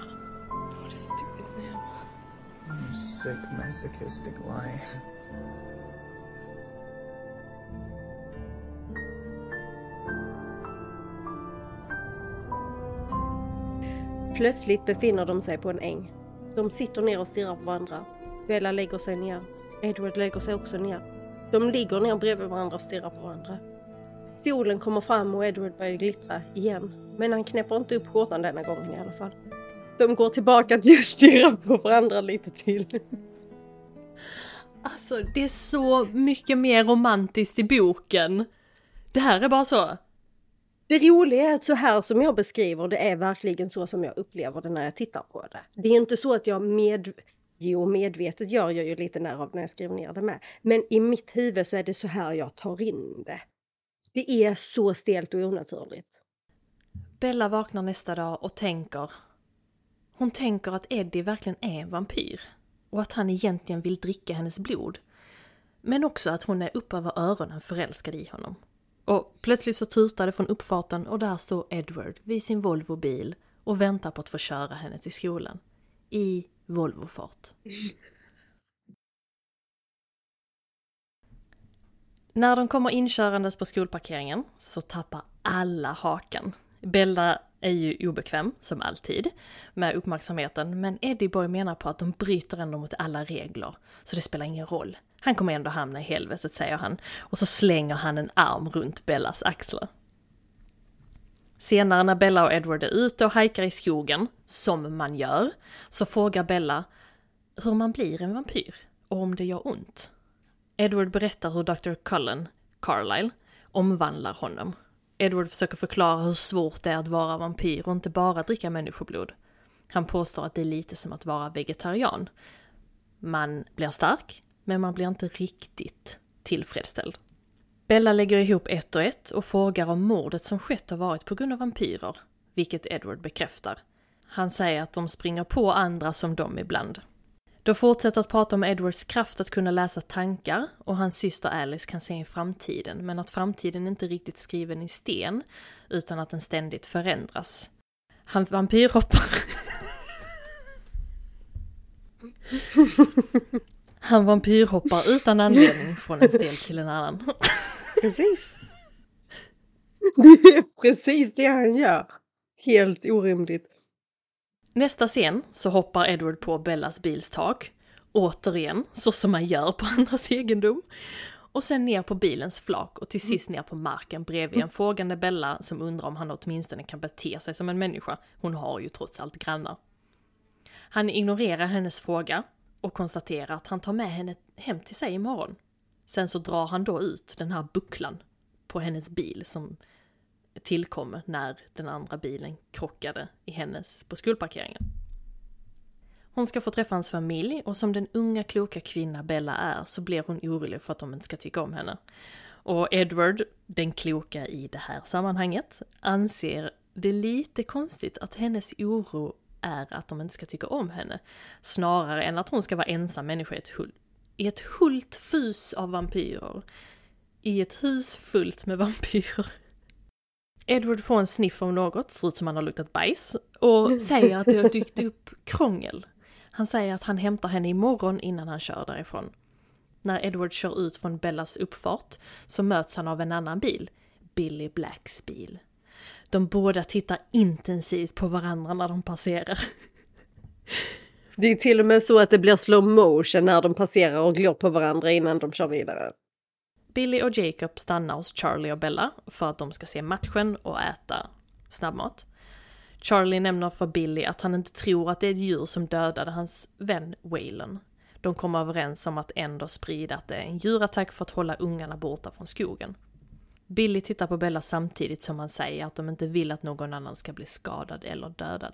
Vilket insinuerar lite på att Billy vet vad det är som pågår med Collins. Alltså Bill, Billy är ju egentligen the shit. Den är bra karaktär alltså. Mm. Jag blir lite arg på honom i New Moon, boken. Ja men nu är, nu är vi ju faktiskt inte där så... så ja, jag bara sa det. Jag minns inte nummer. Det är jag nog. Nej, men jag kan hålla med. Senare kanske man ändrar den uppfattningen, men thus far liksom, good for you Billy. Dagen efter och Edward kör fram till sitt hus med Bella, detta är ju då skolan. Han vampyrspringer runt bilen för att öppna bildörren för henne, lite som en överexalterad Golden. Huset är ett enormt och modernt mansion som ligger mitt ute i skogen utan grannar, utan någon som kan höra dig skrika typ. Bella är förvånad över hur ljust och öppet det är. Lite skämtsamt frågar Eddie om hon förväntade sig kistor och vallgravar. Han säger till henne att detta är det enda stället han och hans familj inte behöver gömma sig. De går upp för en trappa och där ser vi hur övriga, inte alla, men de flesta i familjen Kallen står och lagar mat efter ett matlagningsprogram för de kan ju uppenbarligen inte laga mat. Bella blir introducerad för mamman i sammanhanget, Esme, som hoppas att Bella är hungrig. Edward säger att hon redan har ätit, vilket får Rosalie som står med en glasskål, alltså en skål av glas med sallad i. Detta får henne då att krossa den här skålen så att den liksom trillar i bitar ner på marken. För hon blir förbannad över att Bella inte är hungrig. Ja. Jag tyckte det var jättekonstigt när denna scenen kom att hon hade handskar på sig. Men jag läste sen att hon hade redan skurit sig på den här skålen när hon krossade den så att hon var tvungen att ha handskar Mhm. sen för att inte skada sig. Oh! Har inte reflekterat över att hon har handskar förrän du sa det nu. Nej, jag tyckte det var lite konstigt för hon kom in och så bara... Den kommer ju inte hålla dig varm direkt. Där ser man. Men detta leder i alla fall till en konfrontation. För Rosalie är upprörd och menar att denna situationen för med sig en stor risk för hela deras familj. Bella försäkrar alla om att hon aldrig skulle berätta deras hemlighet för någon. Sen drar Bella ett dåligt skämt om att om det hela skulle liksom sluta illa så skulle det innebära att Bella blir maten. Och alla skrattar åt detta för uppenbarligen jätteroligt. Sen hoppar Alice och Jasper ner från någonstans som vi inte riktigt vet var, men de liksom hoppar ner och dyker upp. Men det och ju Alice går fram till Bella. det är typ en stor trästam. Typ i Ja, men det- slash utanför huset. Inte en stam utan en gren. Ja. De liksom i alla fall studsar ner från typ taket ish. Så de är någonstans och hoppar ner. Alice går då fram till Bella, ger henne en kram, konstaterar att hon verkligen luktar gott. Alltså typ inte som att åh en god parfym utan åh man vill verkligen äta dig. Och sen fortsätter hon med att säga att de kommer bli jättebra kompisar. Jasper däremot ser ut som han ska bajsa på sig när som helst. Carlisle förklarar då att Jasper är deras nyaste vegetarian och menar att det därför är svårare för honom att kontrollera sitt behov. Edward tar och visar Bella resten av huset och lämnar resterande familj i köket. De kommer till Edwards rum och stämningen blir väldigt awkward. Bella frågar om han inte har någon säng. Han svarar att han inte sover och behöver därför ingen. Hon går runt i hans rum och petar på saker och säger att han har mycket musik för att han har jättemycket skivor överallt, LP-skivor. Edward sätter igång någon pianomusik och de börjar dansa tillsammans. Eller Edward försöker få henne att daj- dajsa. Försöker få henne att dansa. Såklart säger Bella att hon inte kan dansa. Och Nej, alltså ingen är ju verkligen förvånad över detta för hon kan ju knappt gå eller stå. Hon gör, alltså allt hon gör i denna filmen är att trilla och sucka och andas djupt överlag. han säger att han alltid kan tvinga henne. Och hennes svar är att hon inte är rädd för honom. Alltså börjar vi bli trötta på detta än eller? Alltså jag vet inte. Åh. Och hennes svar är att hon är inte rädd för honom. Så han tar detta som en utmaning, igen. Och drar upp henne på sin ring. Ja, jag vet att det kommer bli svårt för dig Danny. Drar upp henne på sin rygg och vampyrhoppar ut ur fönstret till närmsta träd. Och så kallar hen, han henne för Spider Monkey.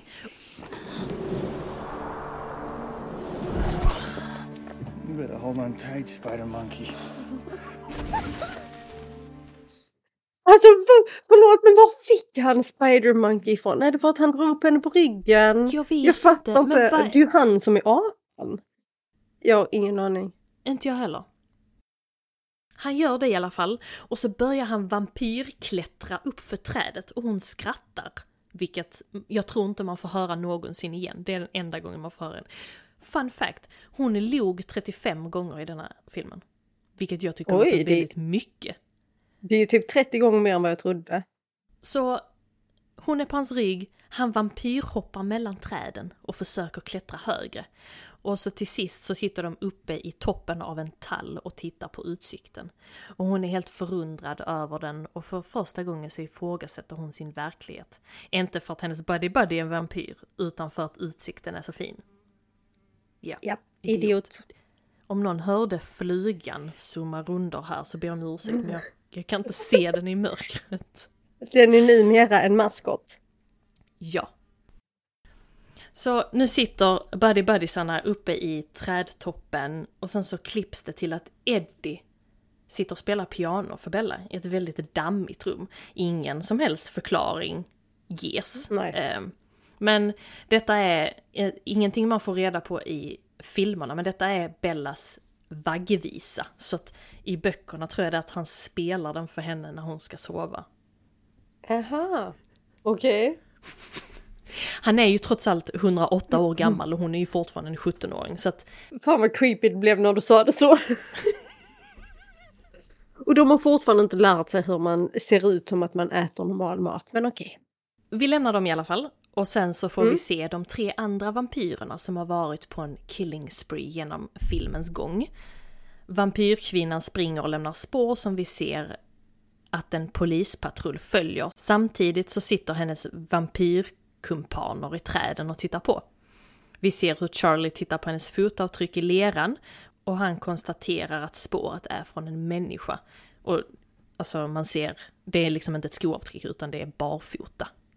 Nästa scen så ser vi hur Bella träffar upp Charlie på deras diner där de brukar äta. Och det är här cameon kommer in, för författarinnan Stephanie Meyer sitter vid bardisken och det är här hon beställer typ en vegosallad eller någonting. Och så säger hon “Here you go Stephanie” och det är det liksom. Hej, det visste jag inte. Det där har jag missat helt. Det är, det, sånt är ändå skoj. Sånt gillar jag. Invånarna eh, på Dinert är då oroliga över vad det är som härjar och dödar folk. Och någon, servitrisen frågar Charlie lite om det och man ser hur liksom folket runt omkring tittar på honom och lite söker svar. Sen, sen kommer de in på att prata om Bellas kompisar och det är fredag och det är helg och hennes pappa vill att hon ska hänga med sina kompisar just eftersom det då är fredag. Bella säger dock att hon brås på honom och att hon inte har något emot att vara ensam. Hon vill hellre vara det. I böckerna så äter de ju inte alls mycket på deras diner, för det är ju en återkommande grej att de äter där i filmen. Mm. Men i böckerna så gör Bella all mat hemma. Alltså hon lagar till honom och liksom... Ja, för det har ju också ett mer minne av att där står rätt ofta typ att hon kommer hem och lagar mat till henne och Charlie mm. och så vidare. Men jag tycker inte, eller jag tror inte det hade passat in i den karaktären som hon är i filmen. Det känns inte som att hon är kapabel till att laga mat i filmen. Hon hade ju bränt ner köket varannan dag typ. Ja, verkligen. Nästa klipp i alla fall så sitter Bella i sin säng och pratar i telefon med sin mamma.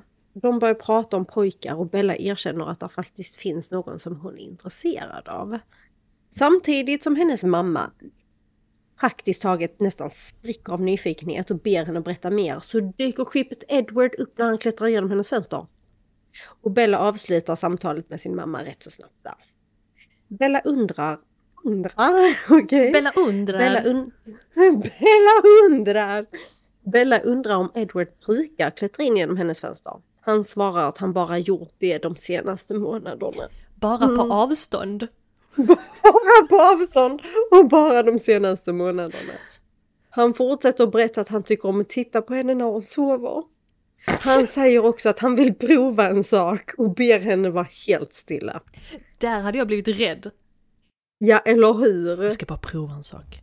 Okej. Okay. Det är ju också en jättekonstig grej att säga innan, uh, ja okej. Okay. I alla fall, han säger åt henne att han vill prova en sak och ber henne vara helt stilla. Han litar sig in sjukt sakta. Alltså sjukt sakta. Till och med för att vara en film så är detta sakta. Jätte, jätte, jätte långsamt så litar han sig in för att kyssa henne.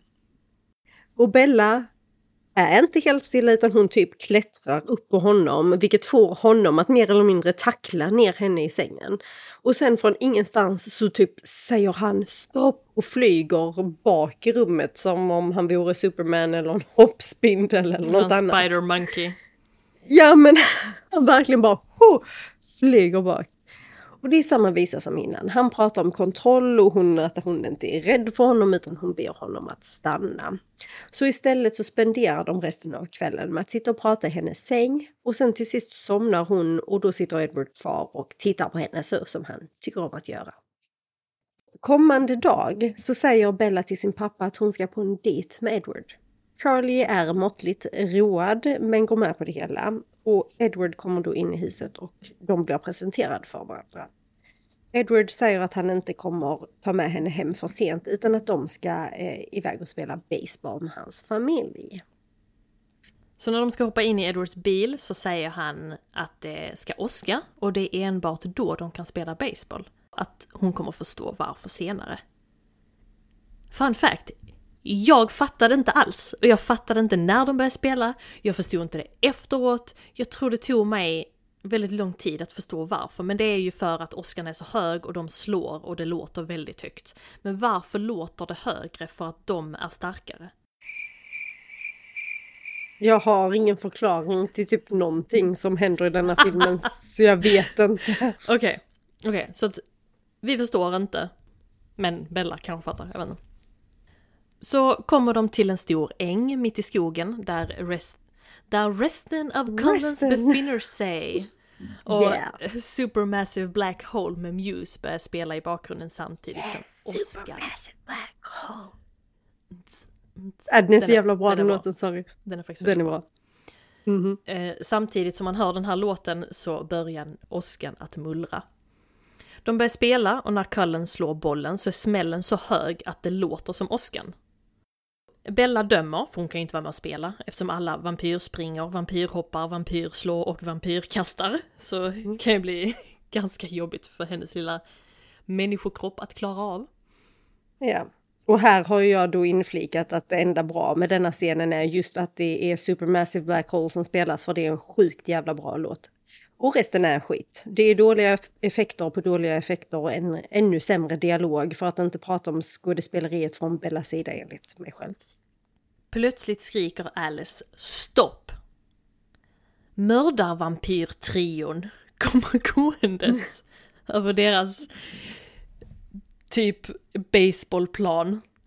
Och det blir en stare-off med ännu mer dålig dialog. Så de presenterar sig för varandra, stirrar på varandra lite till. Och allting går ju bra. För att Carlisle bjuder dem att spela med. Men så känner de doften av Bella.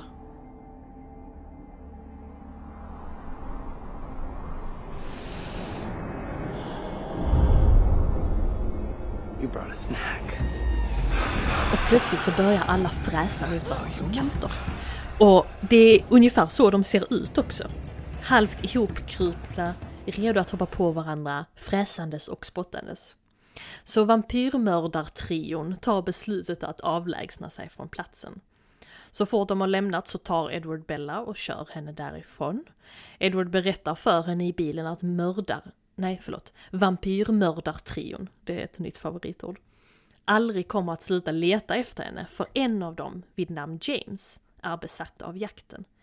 Och han som spelar James, han spelade Kevin i OC om någon kollade på det då. Yes, man älskade honom. Äh, kanske inte hela, jag har inte sett hela OC, men jag vet att när han dök upp i OC så man bara oh yum! Mm, nej, inte yum, men ja, det tyckte man då. Och den här James är då besatt utav jakten. Bella blir hysterisk och säger att hon måste åka hem, men Edward säger att du kan inte det, hon måste, du måste till en säker plats där de inte kan hitta dig. Edward kör henne hem ändå. Och där låtsas Edward och Bella som att de har bråkat och Bella säger till Charlie att hon därför måste åka därifrån för att hon måste åka hem till sin mamma. Charlie försöker få henne att stanna och han föreslår att han kan köra henne till flygplatsen dagen därpå istället. Men Bella säger att hon vill köra själv för hon kan inte vara kvar där. För då kommer hon fastna så som hennes mamma gjorde. Alltså det är en så low blow. Hon bara sågar typ att ja, men jag har inget, varför ska jag vara här? Detta är ditt liv, inte mitt. Och stannar jag här så kommer det bli som med mamma, jag kommer fastna. Det är så jävla, det är så jävla synd om Charlie. Ja. Även om han inte är så närvarande överhuvudtaget i den här filmen. Nej, för det, det är han inte. Men någonstans så försöker han. Han försöker vara en pappa. Sen är han skitdålig på det. Om vi nu ska vara rent kritiska till hans föräldraskap så är han ju riktigt kass. Men ändå synd om honom i, den, i denna scenen. Bella bara packar sina saker och går och eh, hon hoppar in i sin pickup och, och Charlie står övergiven och ensam kvar och ser ledsen ut och tittar efter henne. När Bella kör under tiden hon kör längs vägen så helt plötsligt så hoppar eh, Edward in i bilen. Och de byter plats så Edward kör istället för Bella. Så att hon kan sitta och gnälla i passagerarsätet istället. Och helt plötsligt så hoppar någon ner på flaket. Jag tror det är Emmet som dyker upp där. Och sen dyker en annan bil upp med resten av kallen. Så liksom alla liksom så här samlas. De kommer fram till Cullens hus där de möts i dörren av Carlisle och en av vampyrmördartrion som är där för att varna dem för hans, alltså kompanjonen James då och berättar då att James är en mördarmaskin utan dess like mer eller mindre. Och att även den här kvinnan i trion som heter Victoria är psycho och att man inte ska underskatta henne. Men Callens, de, de liksom får en plan. De ska fixa detta. Så de hoppas på att kunna döda både James och Victoria, Victoria för att det är det enda sättet. Det enda sättet att döda en vampyr är ju då att stycka dem och bränna dem får vi reda på. Men för att lyckas fånga dem så ska då de ska dela upp sig. Så Bella får åka med Alice och Jasper söderut medan de andra ska försöka locka dem på villovägar. Och Rosalie och Esme ska liksom ta på sig Bellas kläder för att dra Bellas lukt runt på liksom olika ställen så att det ska förvirra James och Victoria. Men Rosalie är som Rosalie är, hon sätter sig på tvären. För Bella betyder ju faktiskt ingenting för henne. Men Carlisle säger åt henne att Bella är en av dem nu. Hon betyder mycket för Edward. Och jag förstår faktiskt Rosalie här, för ofta att hon ska riskera både sitt eget liv, sin familj och allt de har kämpat för. Bara för att fucking Bella ska ha sin rättighet och, och vara som hon är med Edward. Jag tror att i boken så är Alice och någon till väldigt beskyddande över Edward för han har liksom aldrig krävt någonting under deras liv tillsammans. Och nu när han äntligen har någonting så ska de ju såklart hjälpa honom med det för att han har alltid funnits där med dem. Men det framgår ju inte riktigt att de avgudar honom på samma sätt i filmen. Så att 100% Nej. man förstår Rosalie. Sen så vet man ju också att hon har inte gillat Bella från början. Så att det är också så. Men Edward och Bella tar i alla fall farväl och han försäkrar henne om att inget kommer att hända. Han säger att hon är hans liv nu. Det är väldigt dramatiskt. Alltså de har känt varandra i 13 dagar. Ja, typ. De sätter i alla fall sin plan i verket. Vi ser Bella åka i bilen samtidigt som Cullen springer i skogen och James och Victoria jagar efter Bella. De jagar i skogen. De tror att det de följer, det här loftspåret, då är Bella. James däremot stannar upp mitt i jakten. Han andas in djupt och börjar backa tillbaka. Samtidigt ser vi Alice i ett hotellrum och hon får en förnimmelse. Hon inser att James har förstått att de vilseleder dem. Så Bella, Jasper och Alice som sitter i det här hotellrummet rummet med, medan Alice berättar för dem att James tänkt om. Hon börjar rita vad hon ser och den här bilden som kommer fram. Bella ser att det ser ut som en ballettstudio. Hon berättar hon brukade dansa ballett som liten. Hon säger att det Alice ritar ser ut som hennes gamla skola och Jasper frågar vart denna skolan ligger. Och det visar sig att denna skolan ligger, hennes gamla skola, ligger i Phoenix där de tre nu befinner sig. Edward ringer och berättar att de tappat bort James. Han säger att han kommer för att hämta henne och att de två ska åka iväg någonstans. Tycker också det är fint att han och Bella bara ska sticka och ska alla andra få ta hand om den här jävla skiten som har hänt. Lite senare så ser vi hur Jasper och Alice står i hotellreceptionen för att checka ut medan Bella är kvar på rummet ensam. Detta är också så absurt. Jo, ofta att vi lämnar henne ensam där. Och hon packar sina saker. Och här är ju då någonting som jag faktiskt vill spola tillbaka. För att de är alltså i Phoenix i det här hotellet. Och det är soligt och det typ i receptionen där de står så är det ganska soligt som skiner in. Men Alice och Jasper glittrar inte. Jag tror det är för att det inte är direkt solljus. För att när Edward och Bella ligger på den här ängen, när han precis har sagt till mm. henne att är vampyr, så har inte han heller direkt solljus på sig förrän det förrän solen kommer direkt på honom och då glittrar han. Så jag tror det är en sån här direkt solljusgrej som måste ske. Men, en, men ändå, hur tänker Alice och Jasper att de ska ta sig ut ur hotellet mitt på blanka dagen i solen utan att de ska börja shiny shine like diamonds och alla ska bara... Nej, jag vet inte. Bellas mamma ringer henne och frågar var hon är någonstans. Och plötsligt så hör vi James röst i telefonen när han säger att Forks High School är dåliga på att skydda elevernas privatliv. Han säger att han är hemma hos hennes mamma och han säger till henne att hon ska möta upp honom vid hennes gamla ballettstudio annars får mamman betala priset. Bella lämnar hotellet i en taxi utan att prata med någon. Hon tänker för sig själv, jag har aldrig tänkt så mycket på hur jag ska dö. Men att dö istället för en som jag älskar känns som en bra död.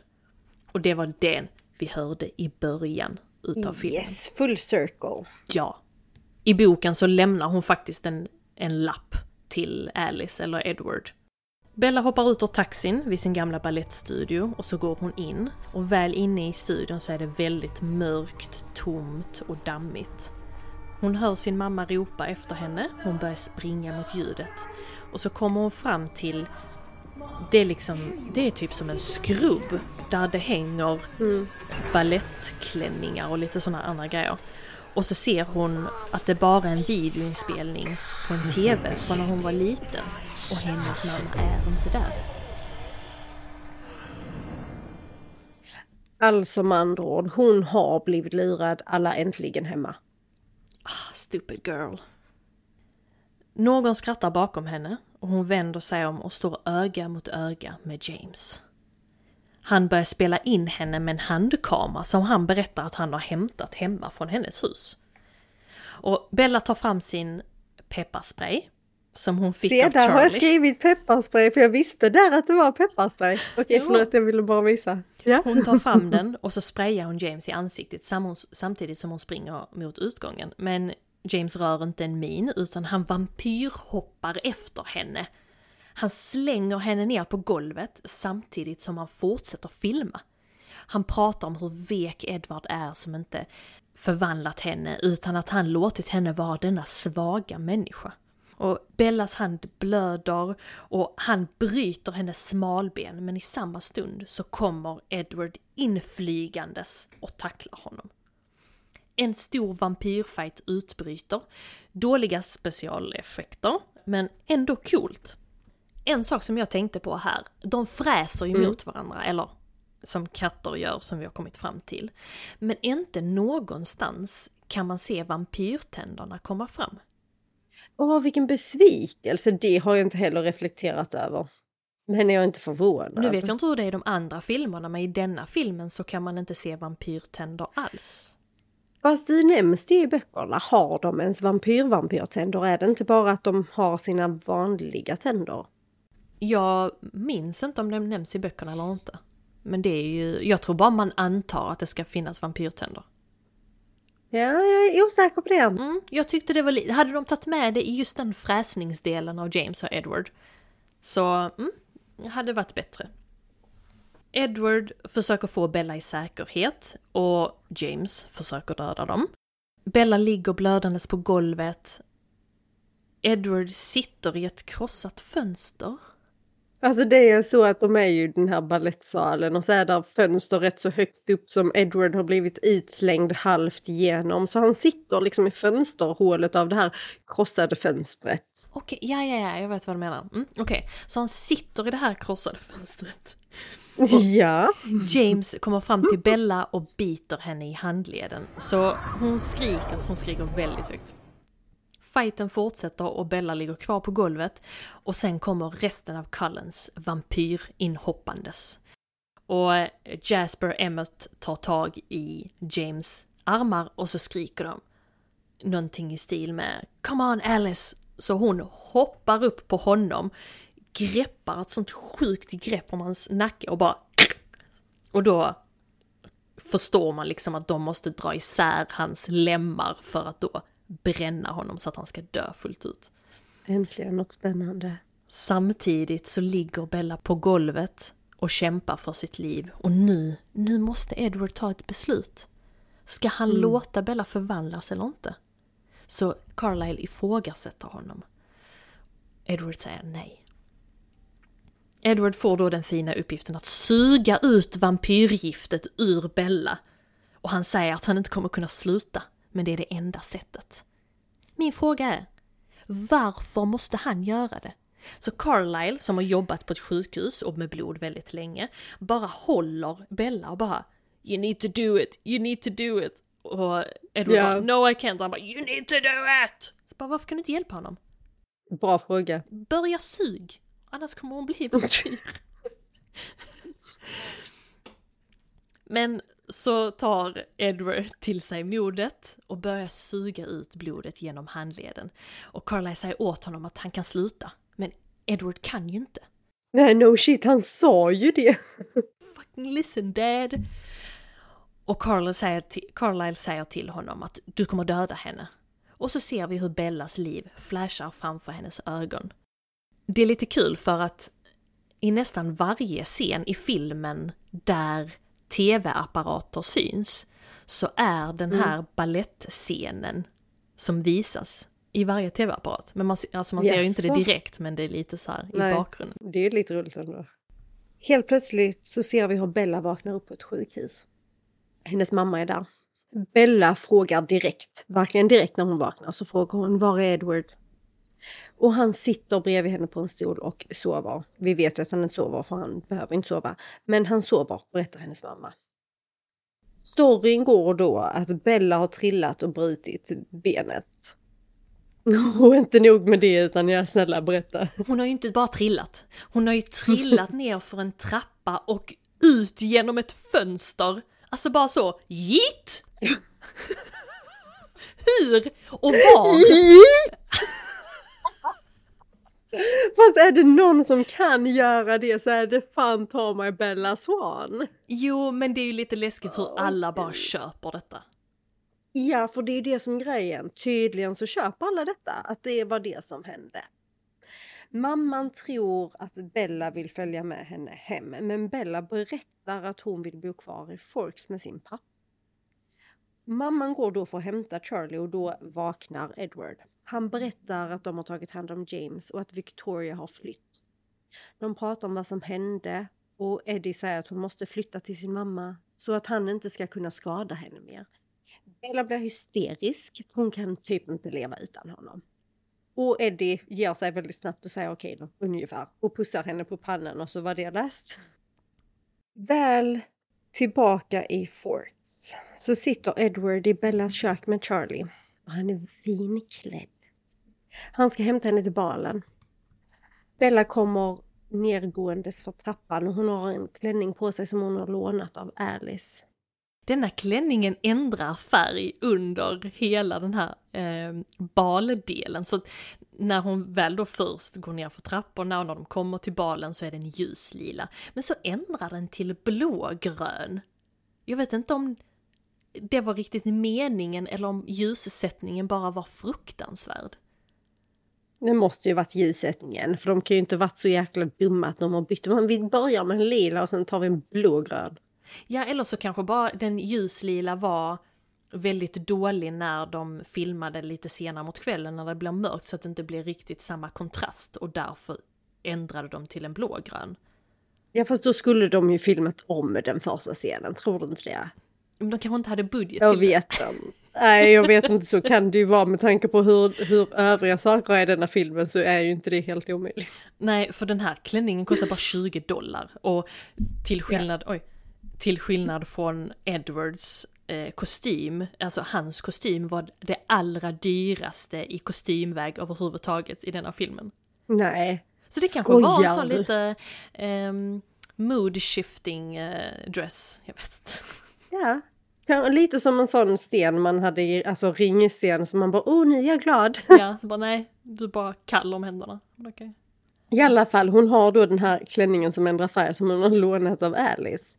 Och ett gipsat ben. Och innan de ska gå så tar Charlie henne åt sidan och berättar att han har lagt en ny pepparspray i hennes väska, för säkerhets skull. Han säger också till henne att hon är vacker. De åker till balen och när de har parkerat bilen så säger typ Edward I'll be right back eller någonting och går iväg. Ingen vet varför eller vad han gör, men det gör han. Han kör bilen ja. för att parkera den. Han har bara lämnat henne så att hon ja. kan sitta på bänken och vänta. Fast bilen står ju kvar. Uh, han, det vet jag inte, men han kör iväg med bilen i alla fall. För det vet jag att jag tänkte också så, var fan ska du? Och sen så ser jag bilen köra ja. iväg, men jag vet inte om den dyker upp sen.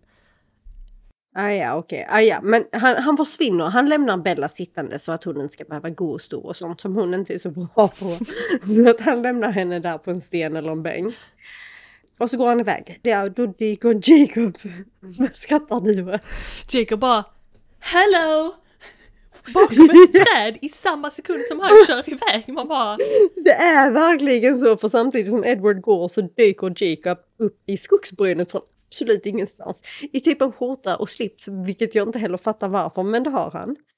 Han dyker i alla fall upp och, upp och säger att hans pappa har bett honom, eller till och med mutat honom, för han har betalat 20 dollar till Jacob för att han ska komma och prata med Bella. Och han ska prata med henne, egentligen vill han bara varna henne och, och säga att hon ska göra slut med Edward. Det är typ det han hinner säga, för sen kommer Eddie tillbaka och, och typ tar över. Och Jacob och Edward stirrar på varandra en stund innan Jacob går. Så de går in på balen och har en idyllisk upplevelse. Alla dansar och är glada och Bellas vänner är där. Livet är frid och fröjd. Edward och Bella går ut och dansar utomhus där det finns ett band som spelar lugn musik. Och så de två andra paren som har stått och dansar bryter upp och lämnar så det bara är de två kvar. Bella frågar varför han inte lät henne förvandlas. Han säger att hon inte vill leva det livet. Bella är orolig för att hon blir äldre, men inte han. Hon säger att hon drömmer om att vara med honom för alltid. Han frågar om hon är redo för det nu och hon säger utan tvekan ja och han kysser henne på halsen. Men han biter inte henne. Bella är besviken, men för nu så är det tillräckligt. Så de kysser varandra och dansar och vi hör hur Bella tänker att hon vet vad hon vill och att hon inte kommer att ge sig. Vi ser hur en kvinna står i ett fönster inte långt därifrån och hon vänder sig mot kameran och vi, vi märker att det är Victoria. Och det är kul för att under flera klipp från det att de kommer in på balen så kan man se Victoria bland ett sånt här alltså vid ett spelbord, fast bakifrån, så du vet ju inte om att det är hon. Så hon har ju gått, gått runt där och creepat och haft koll på dem liksom. Bra övervakning skolan har på vilka som dyker upp på balen. Men där tar faktiskt filmen slut. Det gör den. It's intense. så om vi säger så här. Hur många vampyrer, ut, vampyrer, vampyrer utav fem ger du denna filmen? Och en. bok. är den verkligen så dålig? Ja, den är så dålig. Alltså den är så dålig att jag har svårt att titta på den. Det är inte många saker jag har svårt, alltså jag kan ju oftast liksom tycka det är jobbigt till en början men sen komma in i det.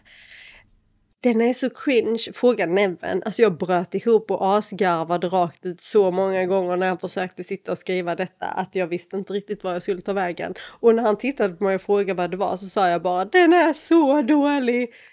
Flera gånger, upprepade gånger.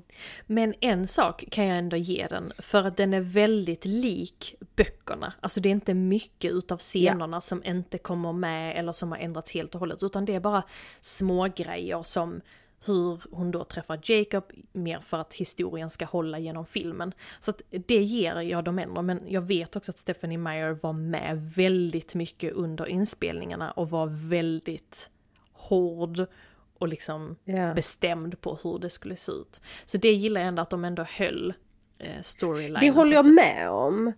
Att det, det, den är väldigt likvärdig, boken. Det är nog den film som är baserad på en bok som är mest likvärdig som jag har läst och sett båda av. För boken ger jag ändå en trea. Eh, jag får ju också tänka att jag läste den då och har inte läst den nu. Så att jag bedömer det på min upplevelse då. Jag tycker den har en bra story för den yngre publiken. Jag anser nog att jag just nu inte finner den lika intressant eftersom jag har blivit äldre såklart. Däremot så tycker jag att det de gör fel med filmerna är ju produktionen. Alltså det är manuset och produktionen. Det är där det brister. För historien är där, men de... Fan, de gör det inte bra. Alltså Spider Monkey, seriöst. Jag fattar inte. Och det här när Edward står på en jättestor sten och hoppar, vampyrhoppar, till en annan jättestor sten. Varför? Ingen vet. Finns ingen rimlig förklaring. Det leder inte berättelsen vidare. Han vill ju impa. Han vill ju bara Look how fast I am. Tjo, tjo. Ja, det är... Mm. Att ingen tittade på detta och bara okej, okay, ridiculous. Nej, alltså det här var ju magiskt när det kom ut. Alltså det var ju, åh, oh, det var så bra, det var så bra, tyckte jag i alla fall. Nu skulle jag väl ge den kanske två och en halv. Filmen? Ja. Vi får inte ge halvor, du kan inte dela vampyrer, du dör dem. Då får det bli en tvåa, jag tänker inte avrunda uppåt. Nej. Och böckerna då, eller boken förlåt, första boken? En trea. Också baserat på mm. när jag läste den förr men även när jag läste den nu nyligen. För att jag gillar ändå karaktären Bella i böckerna. Hon är inte den här... Hon är awkward och hon är klumpig men hon är inte så o, alltså, osäker som i filmerna. Hon är mycket mer alltså, säker, hon, hon kan säga till i böckerna. Mm. Hon, är inte, hon upplevs inte som lika tafatt skulle jag vilja minnas det som i böckerna. Medan hon är bara helt menlös i filmerna. Ja, håller med. Alltså vilket avsnitt! Vilket avsnitt! Älskar det. Älskar att vi har sett den. Älskar, ja, älskar inte den men älskar det. älskar denna upplevelsen. Eh, älskar också att jag inte måste se om den fler gånger nu utan it's done. det är gjort. Ja, jag håller med. Så ni som ja. vill lyssna på den på Bookbeat, glöm inte bort vår kod README och länken finns i beskrivningen. Eller om ni vill lyssna på något helt annat. Det behöver inte vara Twilight. Ja, absolut inte. Där finns jättemycket. Vi tackar så hemskt mycket för att ni har hängt med oss på denna Twilight-resa och eh, hoppas att vi hörs nästa gång helt enkelt. Ni vet var vi finns. Instagram, TikTok. See you later alligator ungefär. Ha det fett. Ha det bra. Hejdå. Hejdå.